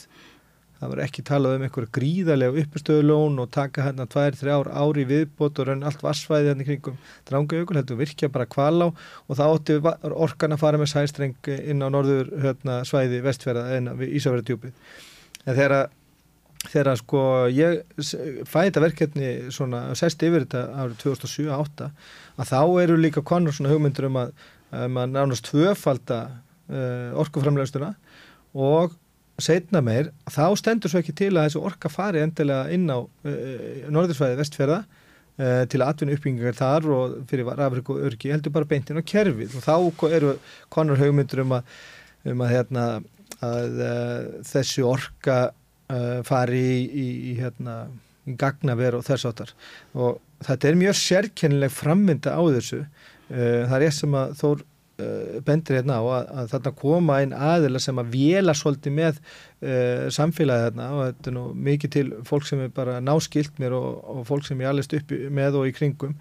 Uh, og mér fannst þetta mjög illa gert af uh, fyrirtækinu Vestuverk og Háusorku að sko, vera með þessa tilbyrði við samfélagið og vera með þessi lofvorð og vera að reyna að vela fólk til uh, hérna, fylgilags við sig og, og rauninni svona einhvern veginn að mörgu leiti hafa mjög uh, óðurlega áhrif á sveitarstjórnina. Eru þarna með fyrirtækin uh, bjóða sinn eigin lögfræðing sem lögfræðing uh, sveitarstjórnarinnar eða hrefsnefndarinnar sem er mjög óðurlegt að þessi stóri hagsmunnaðili skuli sjá um að kosta alla lögfræðþjónustu fyrir reppin sjálfan og eru svona með eitthvað svona hálgindingslofar um að mála hérna, björgunarsveitahúsið og bjóðast til þess að laga glukkana í skólanum og eitthvað svona bytlinga, svona óþægilega bytlinga og svo bara vélaður og, og þrýsta hérna á uh, bændur sem að uh, hérna, eru kannski ekki einhverju sérstaklega mentaðir pólitíkusar eða, eða hérna, geta uh, sko,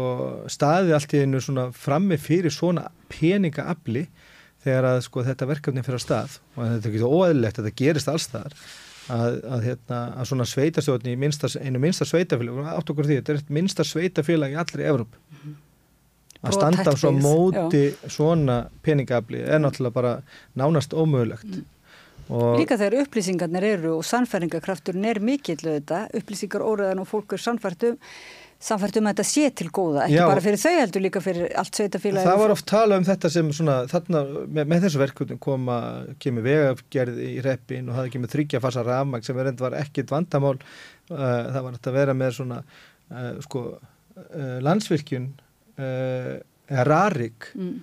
Þau verið með svona þryggjafasa ég var ekki hvað þið kölluðu þessi það voru hálfgerð svona kassar sem að voru á öllum uh, hérna, kúabúum á Íslandi í áratugi sem breyttu sko hérna, þessu tveggjafasa rafmagni í Þryggjafasa, já. já, já, þetta var bara Já, búið að vera notað í áratugi. Það var ekkert vandamál með þryggjafasa rafmagni. Þetta var bara svona alls konar fyrirsláttur. En það sem að er þarna með þetta sér- sérstaka verkefni er að, að hérna ég, uh, uh, þegar ég fyrir að skoða þetta sé ég strax að það er ekkit uh, það hangir ekkit sko, þetta hangir ekkit almennilega saman þetta verkefni. Þarna verði að sko brjóta öll stjórnstvíslu stig varandi skipulags og, og, og hérna, leifisveitingar uh, og með miklu offorsi og þarna átti að riðja nýja vegi í gegnum ósnorti land og, og það átti að riðja þarna uh, uh, vegi fyrir alls konar stórvirka vinnuvélar og breyta raunni landi sem að hafi þér sko uh, eitt sérst land sem er mjög sérstakt bara í allri Európu, þarna hefur sko svona látleysi mannsins aðtapnesi mannsins og hvernig hann hefur komið sér fyrir í landinu er mjög sérstakt, þannig að allir innviðir þarna fyrir norðan, norðufjörð er, eru rauninni gerðir meira og meina með höndunum. Mm. Þannig að áttu svo að koma inn stórverka vinnivelar og breyta landinu til allra framtíðar. Og þegar að maður kemst á snóður um það, hvernig pottin er búið, þarna er eins og uh, sem frægi ítalski barón Felix von Longon Liebenstein uh, hann er nýbúin að kaupa jörð mm. þarna á svæðinu og telur svo eiga bara stóran hluta af vassréttindunum sem eiga að fara í kvælavirkjun og, og hefði keift þetta að frænda mínum hérna nokkur árum áður eða 15 árum áður, eða svo þannig að þessar hugmyndir hafa verið lengi uppi. Og þeir ætla sér bara að keira verkefni í gangu og farnir að ráða til sín verktaka og, og borga reikninga fyrir, fyrir sveitafélagið og bara vaða áfram með þetta og byrtast bara með jarðítur og, og beltagröfur og stórverka vinnuvélar og ætla sér bara að æða inn í ófæsverð og byrja á þessu, taka hérna, byrja með sko efnistöku og og gera hérna, vegi til þess að taka pröfuhólur og svona sem að þýtt það bara þetta er óafturkræf frangvendir og svo kemur það ljós þegar maður fyrir að skoða bara hvaða fólk getur þá kemur, um, kemur það bara ljós að þetta eru sömu aðilar og stóða bakvið uh, kísirverið í Helgovík uh, Magnús Garðarsson sem uh, var nú frægur hérna fyrir uh, að vera fósásmaður þar bróður hans Fyrbjörn Garðarsson hann er aðal kvatamæðin að, að, að kvalavirkjun og, og hérna og er í fulltrúi Felix uh, Líbenstein sem er þykist vera og er landegandi að sveðin og þykist eiga stórun hlutar sem varsréttindu hann er bara sömu aðilar og þegar mann fer að skoða Felix Líbenstein stundin hafði reynd í tvígang hugsaðu ykkur, ykkur færustu rannsóknarblæðamenn í Európu reyndu tvígang að finna ljósmynd af Felix von Longa Líbenstein hún er bara ekki til. Hann er dríkasti maður í norður Ítalíu og það er ekki til einhverju upplýsingur um hann. Ég hafði upp á uh, uh, manni sem að býr á sama svæði og Felix. Uh, ég ætlum ekki að nefna hann hér eða hver, hversa þjóðurnir hann er heldur, uh, ég hafði upp á þessum manni. Ég hafði ringt í tvo fjölmila á svæðinu og beðum að fá að byrta grein eftir mig um hvernig þeirra helsti mektaborgari væri með eh, örlög minnsta sveitafélags í Evrópu í hendi sér mm. og þegar að uh, ég nefndi hvað maður þetta væri og þá sagði eitt, eitt blagamæður sagði bara sendu mér greinina á svona og leiður sagði nafni þá svona breytist það í tótnin og hann hafði svo aldrei samband aftur og svo var einn hýrasmiðl sem ég ringdi í og þegar bladakonan spurði mig hvaða einstaklegur er þetta og ég nefndi Felix á nafn og þá segir hún bara no no no no no no no no no no no no no no þá máttu ekki, kom ekki til greina að fjalla um þennan mann en þegar ég kennst í sambandi við þennan mann sem að bjó og þekkti til hans og hefði búið í sama sveitafélagi og hann í 22 ár, hann árið 2019 að þá segir hann mér upp og ofan bara hverju sem aður er, hann er mjög tengdur Impreglio, mjög tengdur þeim og þessum tíma var verið að handaka átta helstu stjórnmyndu þeirra á þetta sama ár. Og þetta var byrtist ekki fréttum hérna heima. Þeir eru handeknir á kvöldlægi bara og leitir í í bíl. Að toppa þeirri einn bregli kom ekki til fjölmjölum hér. Hann nátengdu þeim og hafði staðið á mörgum svona verkefnum og, fjár, og þótt vera fjármagnar svona verkefni í Östur Asju þetta er fólkið sem ætlaði að koma og virkja kval á, mm. á Íslandi. Og einn pregli og byggði káranhugaverkum Nákvæmlega. Já, já. Þetta er eins og Þóru að lýsa, þetta er bara staðrind. Mm -hmm. en, en þetta er alltaf undir því við skýna hér sé verið að uh, bjóða velkomna erlenda fjárfestingu sem að ef við tókum ekki vel á móti erlendur fjárfestingu og fælum burtu fjárfesta með einhverju mótmælum og og staðrendum að þá séu raunverulega þeir séu fælast frá þá og munið ekki þetta var alltaf eftir hrun? Já, að fæla bara, frá þessi, þessi, Þetta fyrirbæri sem að, sem að búið er að hamra á í svo marga áratugi mm. sko, sem heitir Erlend fjárfesting. Já. og að hún sé eitthvað sko alfa og omega alls þess besta í veröldinni. Já. að það er bara bull. Það er bara algjört bull. Erlend fjárfesting er bara fjárfesting sem einhverjir erlendir aðlar koma hugsalega með að þeir sjá okkur viðskiptatækifæri sem þeir geta grætt á. Uh, það er algjörlega galið að gera eins og Íslendingar og Íslands stjórnvöld hafa gert að leggjast bara flöt undir alla sem að segjast vera erlendir fjárfestar og vilja koma hingað inn með, með erlenda peninga til þess að byggja eitthvað upp. Var Þa, það, það sem á að gerast um leið og einhver erlendur fjárfestir og, og við erum náttúrulega að setja erlendur innan gæsa lappa Mhm. vegna þess að það er skilgreint í öllum gögnum selabankans að erlendur fjárfestir er sá sem er með heimilisfang erlendis. Mhm. það getur verið hvaða Íslendingu sem er. Þeir hafa aldrei nokkuð tíma lagst í það að skoða það hverjir þessir erlendu fjárfestar eru.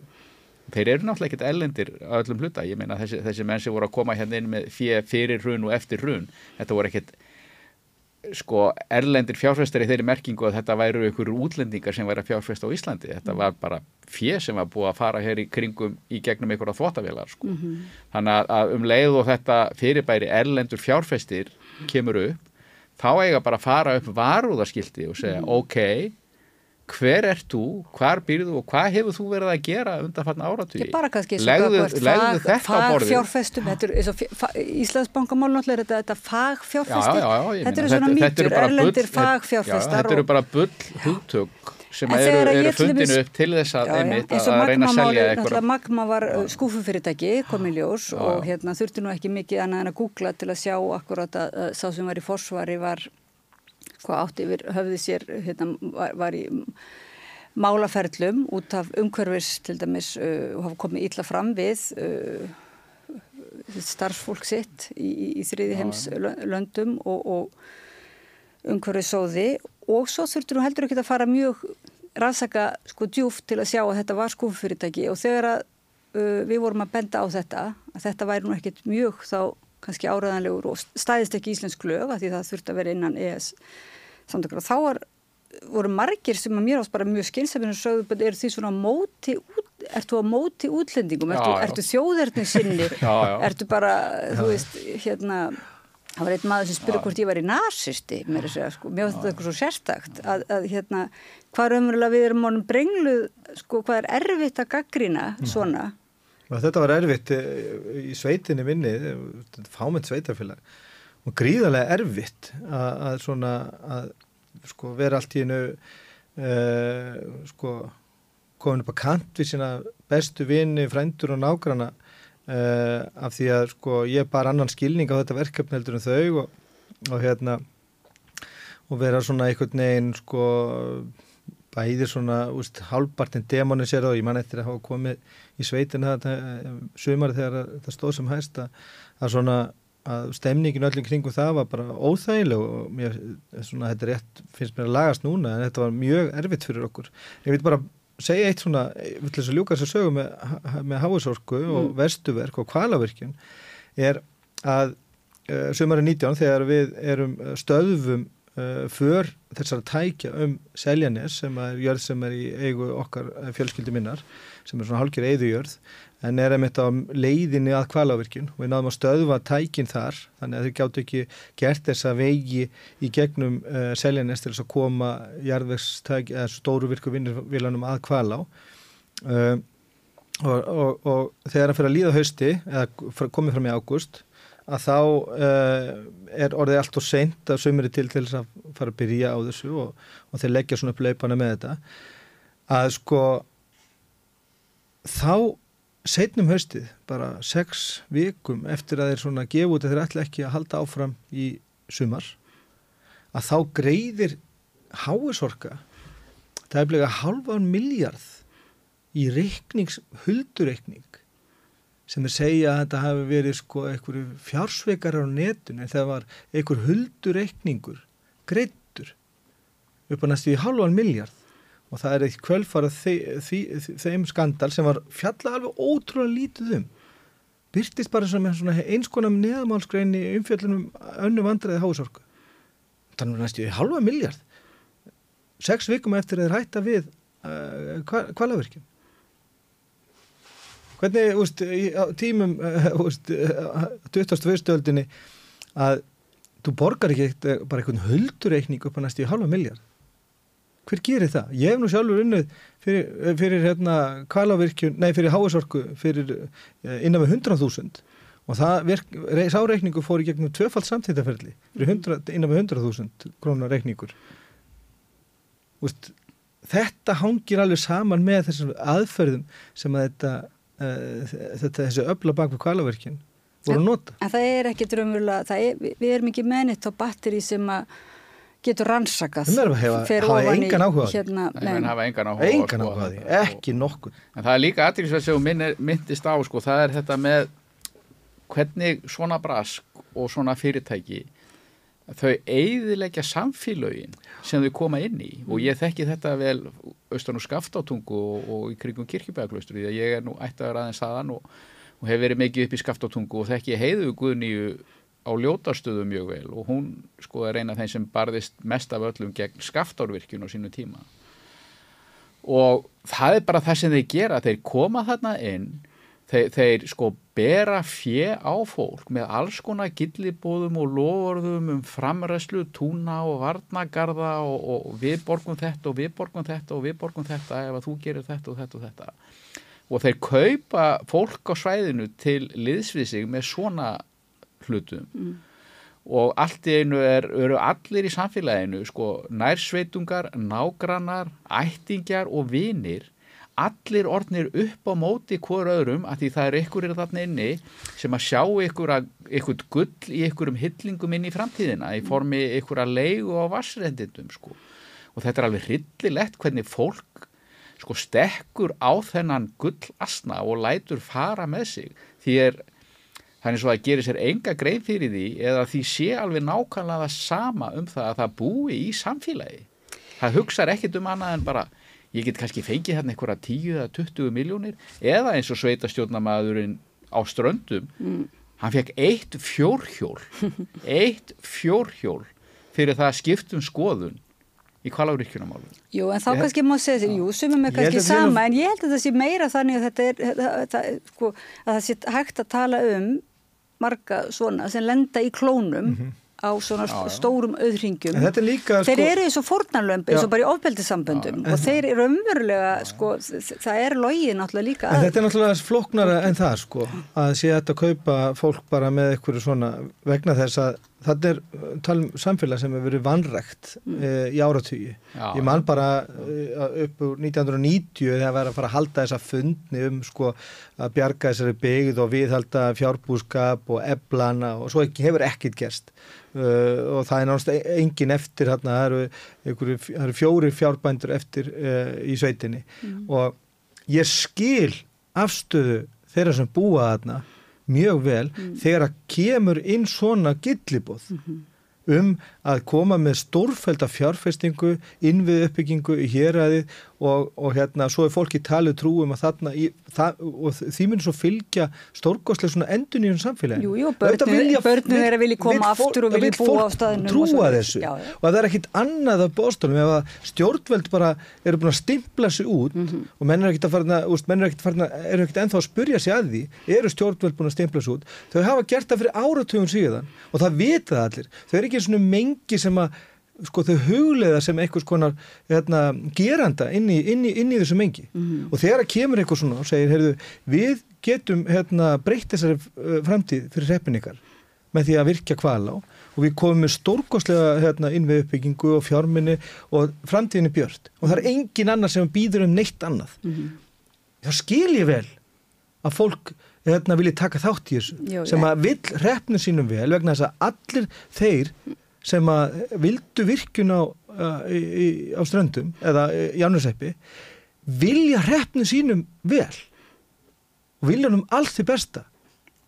Og ég bara skil þetta fólk mjög vel. Já, og þarna hefur stjórnvöld svikið þetta fólk ef að það eina sem þau sjá eina haldreip sem þau sjá eru svona óvanda fólk sem að kemur og ætla sér að misnota aðstöðu sína að, að, að misnota sér aðstöðu fólks. En eins og við erum að lýsa, að þetta eru er- glæpamenn, en hvað er það þetta, þetta er náttúrulega Já. í rauninni og, og, og, og, og það er aðdeglisvert ef maður ber þetta saman við til dæmis uh, skaftátungu og kirkjubæðaklustur sko.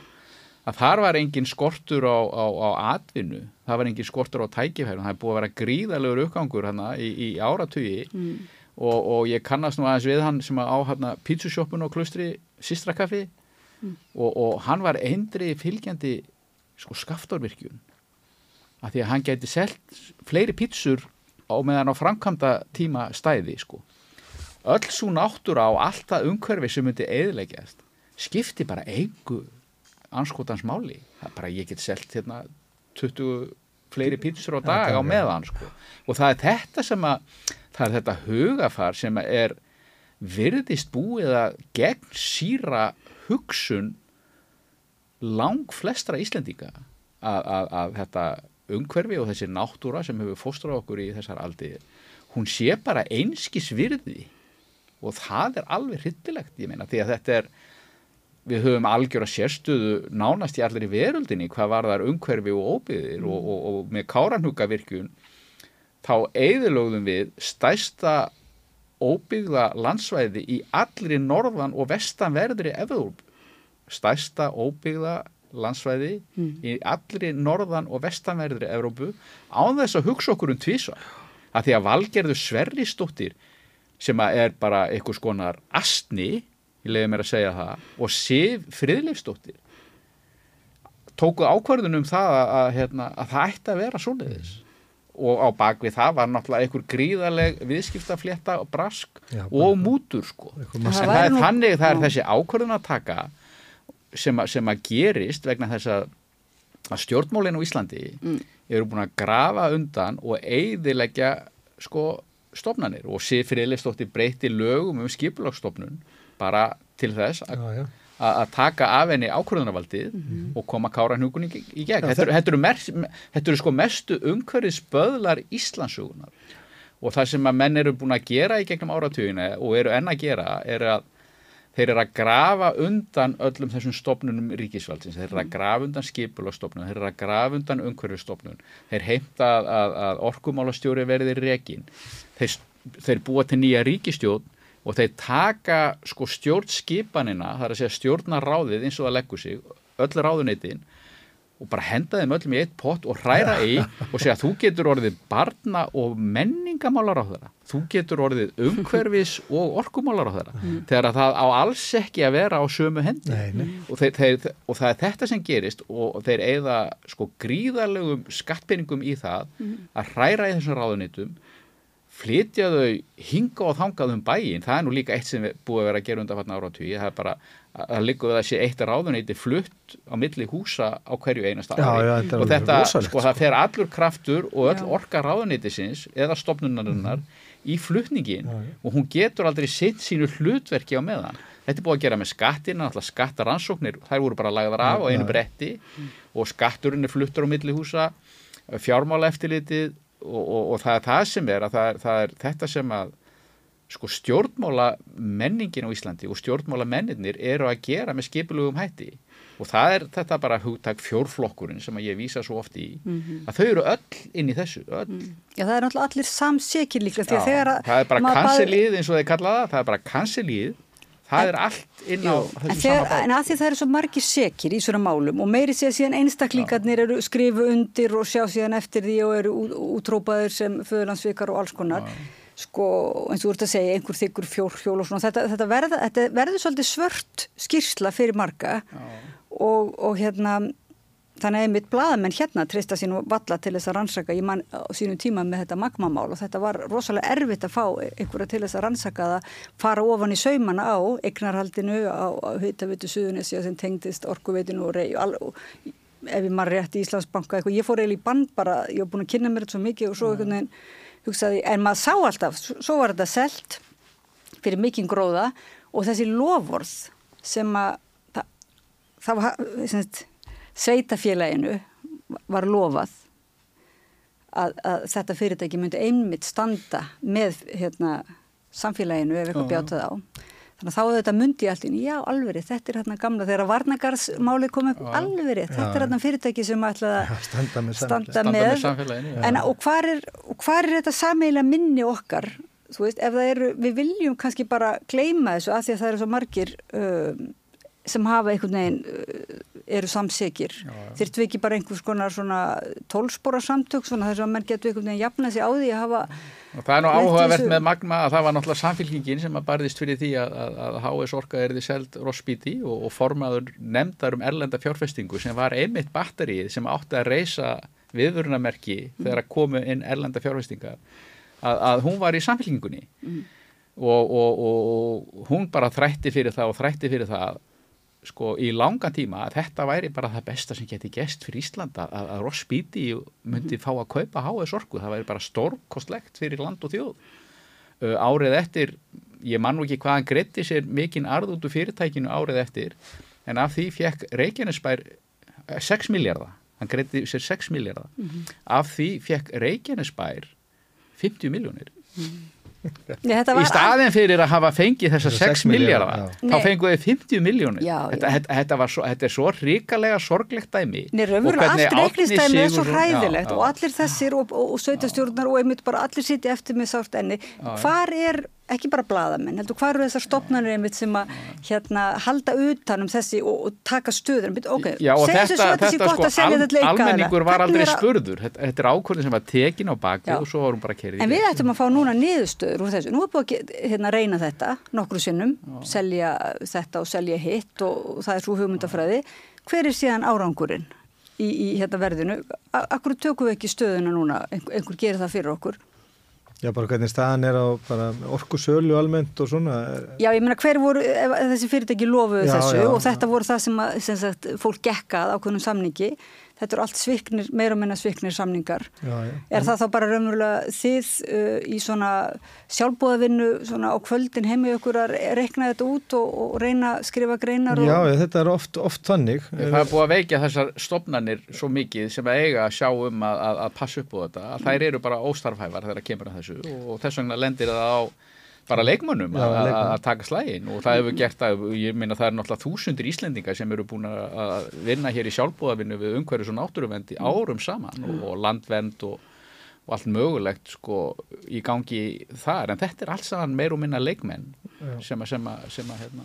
En svo, að, Þór var að nefna þetta aðan einmitt hvernig uh, Sif Frillustóttir og Valgerður Sverðardóttir bara stóðu að hann bara einhverju lagabreitingum til þess að auðvelda framgang kárnökavirkjunar uh, bara breyta skipulagslögum þannig að ríkið hérna, eða sveitafélagið geta þá bara rástafað sínu landi alveg svo með sínist sko. það þarf ekki að taka til, til einhverja svona heildarhagsmuna eða uh, þetta er náttúrulega uh, uh, þetta var bara gert til þess að tryggja það að nei, kárnökavirkjun kemist að koppin og það sama má eiginlega segja hafi verið upp á teningunum hérna fyrir nokkrum ára síðan í kringum kvalavirkjun hún strandaði á þessu að landeigundur letu sig máli varða við landeigundur af föðufólki mitt á Seljanesi stóðu vörðum eh, sí- sína jörð þar. Eh, við eigum aðra jörð öllítið norðar sem heitir Drangar sem er nú nefnd eftir Dranga í ökli og þar áttu við og eigum enn stóran hluta því vatnasviðir sem að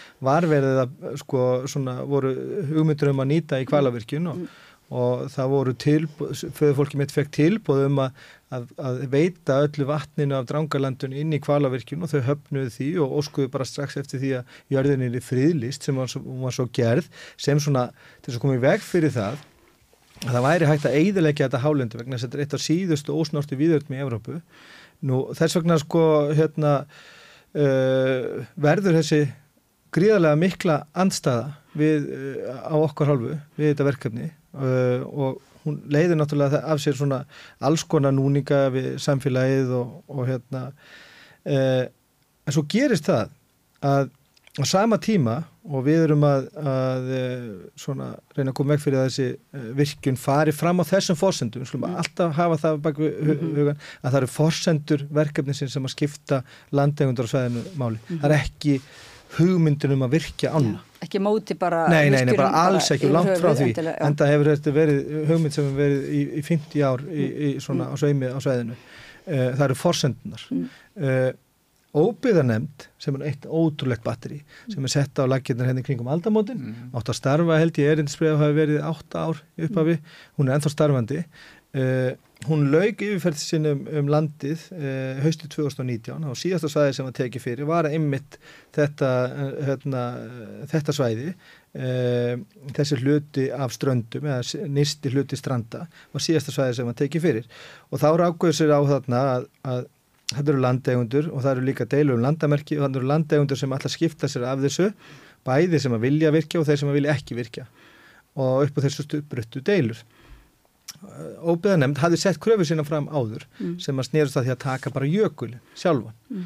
uh, og þeir uh, að Já, sem þjólendu. já, skrítið stjórnsýsustegi vegna þess að þeir rannsaka máli sjálfur Mm. uh, og, og hérna afla gagna rannsaka og dæma í málinu sjálfur sko. Allt sama stjórnsýslustíð Já. sem er alveg magna sko. og þeir eru ljúka erindi sínu um að fara yfir allar uh, allt landið og, og tilnefna þetta þjóðlendur lönd sem að eiga vera í eigu ríkisins eða almennings Mm. voru búinir hérna í oktober 2019 í þjóðmenningahúsinu uh, 7. janúar 2020 er lögunum breytt þá er óbeðanemnd heimilt að taka upp alla sína fyrri úrskurði sem ná 15 ár aftur í tíma Já, og þeir byrja því strax um vorið kemur bara ný krafa frá óbeðanemnd Mm. um að taka allt hálendið á í kringum drangajökul. Og fyrir mér er þetta ekkit annað en uh, skref í áttin að tryggja það kvalaverkina og fram að ganga. Og rauninu eina markmiði er að, að, að hérna, komi vekk fyrir að, að það séu landegundur sem hafi komið málið að gera. Heldur það bara ríkið sjálft sem að getur þá sagt við Felix Liebenstein Mm. og Fríbjörn Garðarsson og, og hérna, eh, Kísil Gaurana og Helgavík gjör þér svo vel Mhm. haldið áfram við eigum þetta Fá nú, þetta nú þurfum við ekki að silfurfati. spurja kongni að breyst bara gjör þér svo vel Og þá, hvernig stoppuð þið þetta á sínu tíma? Voru ekki með vörubíl á veginum? Hérna, Við bara, föðbróðu minn hérna, Elias eh, Kristinsson sem er mikil hetja og, og mikil fyrirmynd fyrir mig uh, hann bara stilti sér framann jarðítunar uh, þegar það voru leiðin í Ingolsverðin ég sjálfur fór á norður og reisti vörðu og sett upp skildi og, og, og hérna, vegna þess að við stóðum í þeirri rétti vegna þess að vegurinn um landið okkar var að hluta til bara uh, reistur og beigður af uh, heimafólki. Uh, vegagerðin hafi aldrei sint þessu, hafið eitthvað tíma styrt uh, tvís og sinnum hafi aldrei 50 árum styrt bændur til þess að, að hérna, uh, sko, íta vegslóða þarna út eftir. Nú ætlaði vegagerðin bara, og meiri sér sko, hann var ekki inn á korti vegagerðarnar og var inn á engum skiltum og, og hérna, þetta var bara slóði. Nú ætlaði þeir að, að hérna, taka hennar slóða sem að mjög ljóðrætn og fallugu svona dráttavila slóði sem að liggur hann út eftir hlýðinni Mm. ætlaði að, að byggja upp 12 metra breiðan og, og meters háan veg og kalla það lagfæringu þau ætla ekki að byggja um neitt frangvandarleifið eða umhverfismat vegna þess að þetta átti að vera lagfæring á fjögra metra dráttavélaslóða sem átti að vera núna fær uh, sko hérna, átján hjóla trailerum á 70 km hraða með 30 tonna hlass í báður áttir. Þetta var lagfæring á, á þessum við erum alltaf dráttavélaslóða svo Íslendingar, við erum hrifin að einhverju svona almennlegum framkvæmdum. Við stoppum og, þetta bara og, og þarna, þeir fengu ekki heimildir að fara inn á inn á, uh, inn á seljanislandið með sín tæki. Og þú bara, og þótt að það sé erfitt að þið hafið náttúrulega fengið, ekki kannski hótar en þið hljóta hafa fengið aðeins svona velti fyrir ykkur hvort að, hvort að borgi sig að vera að standa á móti svona drega, dregum. Já, það er bara ekki annað hægt, ég meina, það, það er bara þannig, ég meina, ég hugsa þetta oft, ég meina, til hvers er ég að andæfa þessu og hinn og það er bara ekki hægt, ég meina, og þó að maður geti, sko, þetta er náttúrulega bara einhvers konar kjörorðað að það versta sem að maður gerir er að gera ekki neitt, bara því maður getur gert svo lítið, sko, og, og umhverfi og náttúra Íslands er bara einhvers konar gersimi á heimsmælikvarða. Og það er verið að eiðilegja þessa gersimi sko stundum smátt og smátt og stundum bara í heilu lægi eins og með káranhugavirkjun og virkjanafrankvæmdum en smátt og smátt með malbyggum bílastæðum við náttúruperlur og ykkur sem að menn kalla eitthvað svona gestastofu sem er yfirleitt bara sjoppur með samlokur og kók og appisín Uh, þannig að, að sko það er ekki náttúrulega bara virkjaninnar, það er, það er ferðaiðnaðurinn líka sem er að klípa af þessu öllu saman. Og þetta með slóðan sko vegagerðin er búin að vera lagfæra Já, vegið norður kjöl, Kjöl, já. í, í, í, í mörg mörg ár sko. Og þar sem að honum er breytt úr slóða í uppbyggðan tvöfaldan veg. Já, vegna þess að það er sko. einhverjir braskarar sem eru búin að byggja hótel í kettlingafjöllum Já, og hver, og vilja fá, fá trafík hann upp yfir allt árið. Og, og, og það er aftur þetta sko, virðingin fyrir umhverfi og náttúru og óbyggðum og því sem er ósnert er engin. Og fyrir að- náttúrulega samfélagum sem núna, nú er það. Grindavík að þá kemur auðvitað Grindvíkingar, margir eru mjög reyðir, það skulle ekki vera virðing fyrir, það skulle vera raunverulega meiri áherslu á að verja bláa lóni, þetta heyrði ég Grindvíkinga segja, sem að meiri áherslu á að verja bláa lóni heldur en, Heldur en eh, byggðina og samfélagi, þannig að á já, endanum já. þá er ekki bara vanvirðinga hvort náttúrunni heldur, þessum samfélagum líka. Já, þetta er svo mikil afstæði í þessu.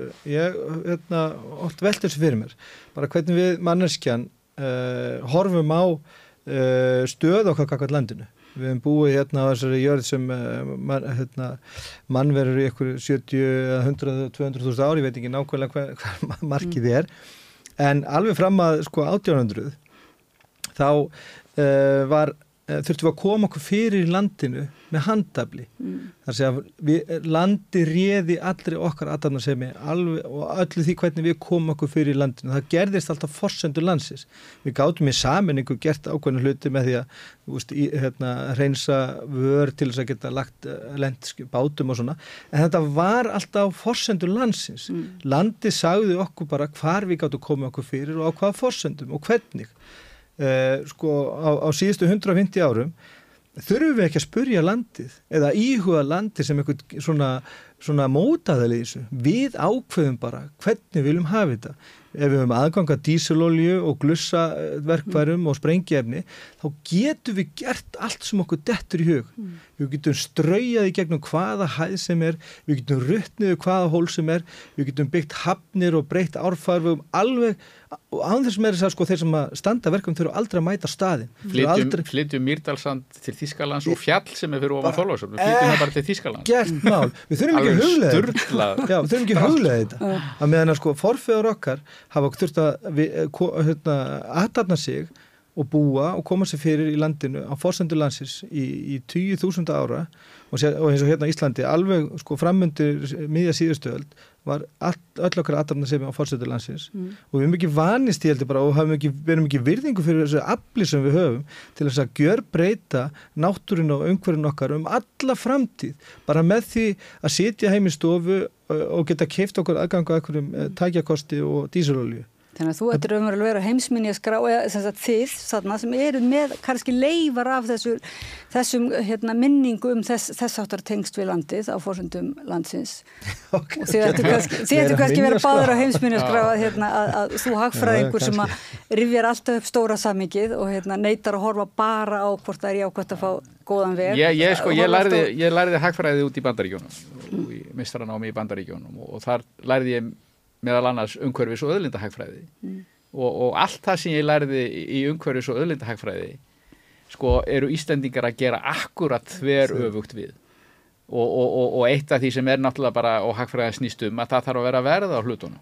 Það hefur aldrei, sko ón, ónotað land á Íslandi hefur aldrei verið verðlagt. Það bara, ég meina menn bara fá landið ókipis til þess að eðleggja það. Uh, hérna sjónmengun hefur aldrei verið verðlug það eru til sko áratuga gamlar aðferðir til þess að meta sjónmengun af háspennulínum. Það er aldrei notað hér. Það, það er ekkert af þessum aðferðum sem að til eru, þessum hagrænu aðferðum til þess að meta tjón af framkvæmdum. Ekkert af þeim er notað á Íslandi. Líklega eina landinu í allri Evrópu og öllum Vesturlöndum sem að notar ekki þessi já, verkværi ekki þessi verk- verkværi eru til. Mm. Og, Og og, og, menn segja bara hvað hva hérna eru þið tilbúin að borga fyrir að það verði ekki reist háspennulína hérna fyrir utan glugga hjá okkur Mm. og svo meta með það og, og svo takast menn á um það hver á að borga það, Mm. ef ykkur Mhm. þannig að, að sko hagrænu verkværin eru til Mm. líka og það er líka eitt sem er svo sorglegt en þau er ekki notuð hvers virði er óspilt náttúra og, eru vatn, en til dæmis vatni, Já. það er nú alltaf, það Já, kemst er alltaf til umræðu er- sko, já. verður vassbóla á Já, Íslandi já. og eignarhald á, á vassbólum. Mér finnst aldrei svo umræða almennilega fara á flug sko. og, og hvers virði er, eru, eru sko, já við tökum bara dæmi um, um, um fiskjeldi, ég meina hvers virði eru, sko lagsarnir í íslenskum ám burt séð frá, frá braskinu sem er í kringu það, hvers virði er það að hafa náttúru og lífríki í ám og vötnum á Íslandi. Hvers virði er það? Það er ekki einu sinni spáð í það. Nei, að þetta hefur virði í sjálfu sér Já, já, já. það þarf ekki alltaf að hafa einhvern efnislegt verð, Nei, nei. virði fyrir okkur sem manneskina Veist, þetta, er bara, þetta hefur bara virði í sjálfu sér. Þetta er skapa svona og, var, og hefur þróa svona í, í miljónir ára landið og lífríkið. Og við þurfum ekki endilega alltaf líka sko að segja heyrðu, uh, þetta þessi á ég myndi fyrir miljard maður ég alveg til að, hún hirfi sko og þotnaði upp og yrði virkið og sko ve, það, við þurfum ekki alltaf heldur líka að segja uh, hvert etnislegt verðmætti er. En hins vegar er það svo mikilvægt vegna þess að við búum í svona landi sem að við erum að sífælt að leita leiða til þess að hagnýta okkur náttúruna og þau öll sem hún gefur okkur að þá þarf að sannarlega að koma sangjart endurgjald fyrir það sem að samfélagi nýtur góðs af. Og það hefur e ekki verið gert. Og sangjærtir útrekningar náttúrulega og skinsamleir útrekningar sem við getum, getum treyst. En við erum nú komin hérna, við getum ekki rætt meira í dag, sem, en við verðum greinlega að uh, halda þessari svona vitund, við þurfum að halda vöku okkar á nýju ári og nýjum tímum og draga fram í dagsljósið er það ekki alltaf, hérna, láta ekki gleymast Nei, og- og heildarsamingi sko, e- og, og, og eitt sem- upplýsingar Eitt sem sem að að, menn gleyma er sko að því það var bara síðast í fréttum í morgun að, að, að, að það var Runolfur Ágússon af öllum mönnum var að tala fyrir hraðalest frá Reykjavík til Akureyra sko. og, og ég segi oft við fólk sem að vil sko malbygga hálendið og gera, gera vegi yfir hálendið uh, hvernig finnst þér holtaverðu heiði? Hvað meinaru, segja þær? Já, hvernig finnst þér holtaverðu heiði? Hvað meinaru? Já, ef þú keirir holtaverðu heiðina, hvernig finnst þér hún? Ég, ég veit það ekki, ég keir hana bara. Holtaverðu heiðin er einhver fallegasti fjallvegur sem að til er á Íslandi og þó víðar væri leita. já, alveg gull falleg leið að kera. Það tekur engin eftir henni að því það eru allir á 100 km hraða yfir hana. Og það er þetta sem að við þurfum að benda á. Þegar þú keirir á 100 km hraða yfir kjöl, þá, þá myndu ekki taka eftir neinu. Það er bara farið algjörlega og það er farið að eilifu eins og með holtaverðuðina. Það þýðir ekki að það eigi ekki að leggja góðan veg yfir holtaverðuðiði en þetta er svona viðni sem við þurfum að hafa. Hvernig finnst þér holtaverðuðiði? já, hvernig finnst þér Ísland? Það er við erum að spyrja svolítið nýjan hátt, svona já, hátugulega Ísland. Hérna, uh, Þórsari hagfræðingur og fyrverandi alþykismæður, reynslubolti og, og Guðmundur Hrafn Artgrímsson, formaður leyenda samtakana og strandamæður. Uh, þakka kærlega fyrir að koma hérna og rappa um hvað, íslenska náttúru og íslenska spillingu og, og, og allt allt sem við þurfum að muna eftir og, og hérna, reyna að laga, leggja okkar að mörgum svona í einhverju andofsstarfi. Takk fyrir. Já, takk svo bleðis. Og þakka hlustendum kærlega fyrir að, að hérna, fara með okkur í gegnum þessa djúbudali og, og, hérna, og yfirholtaður heðina og, og um all land. Takk fyrir.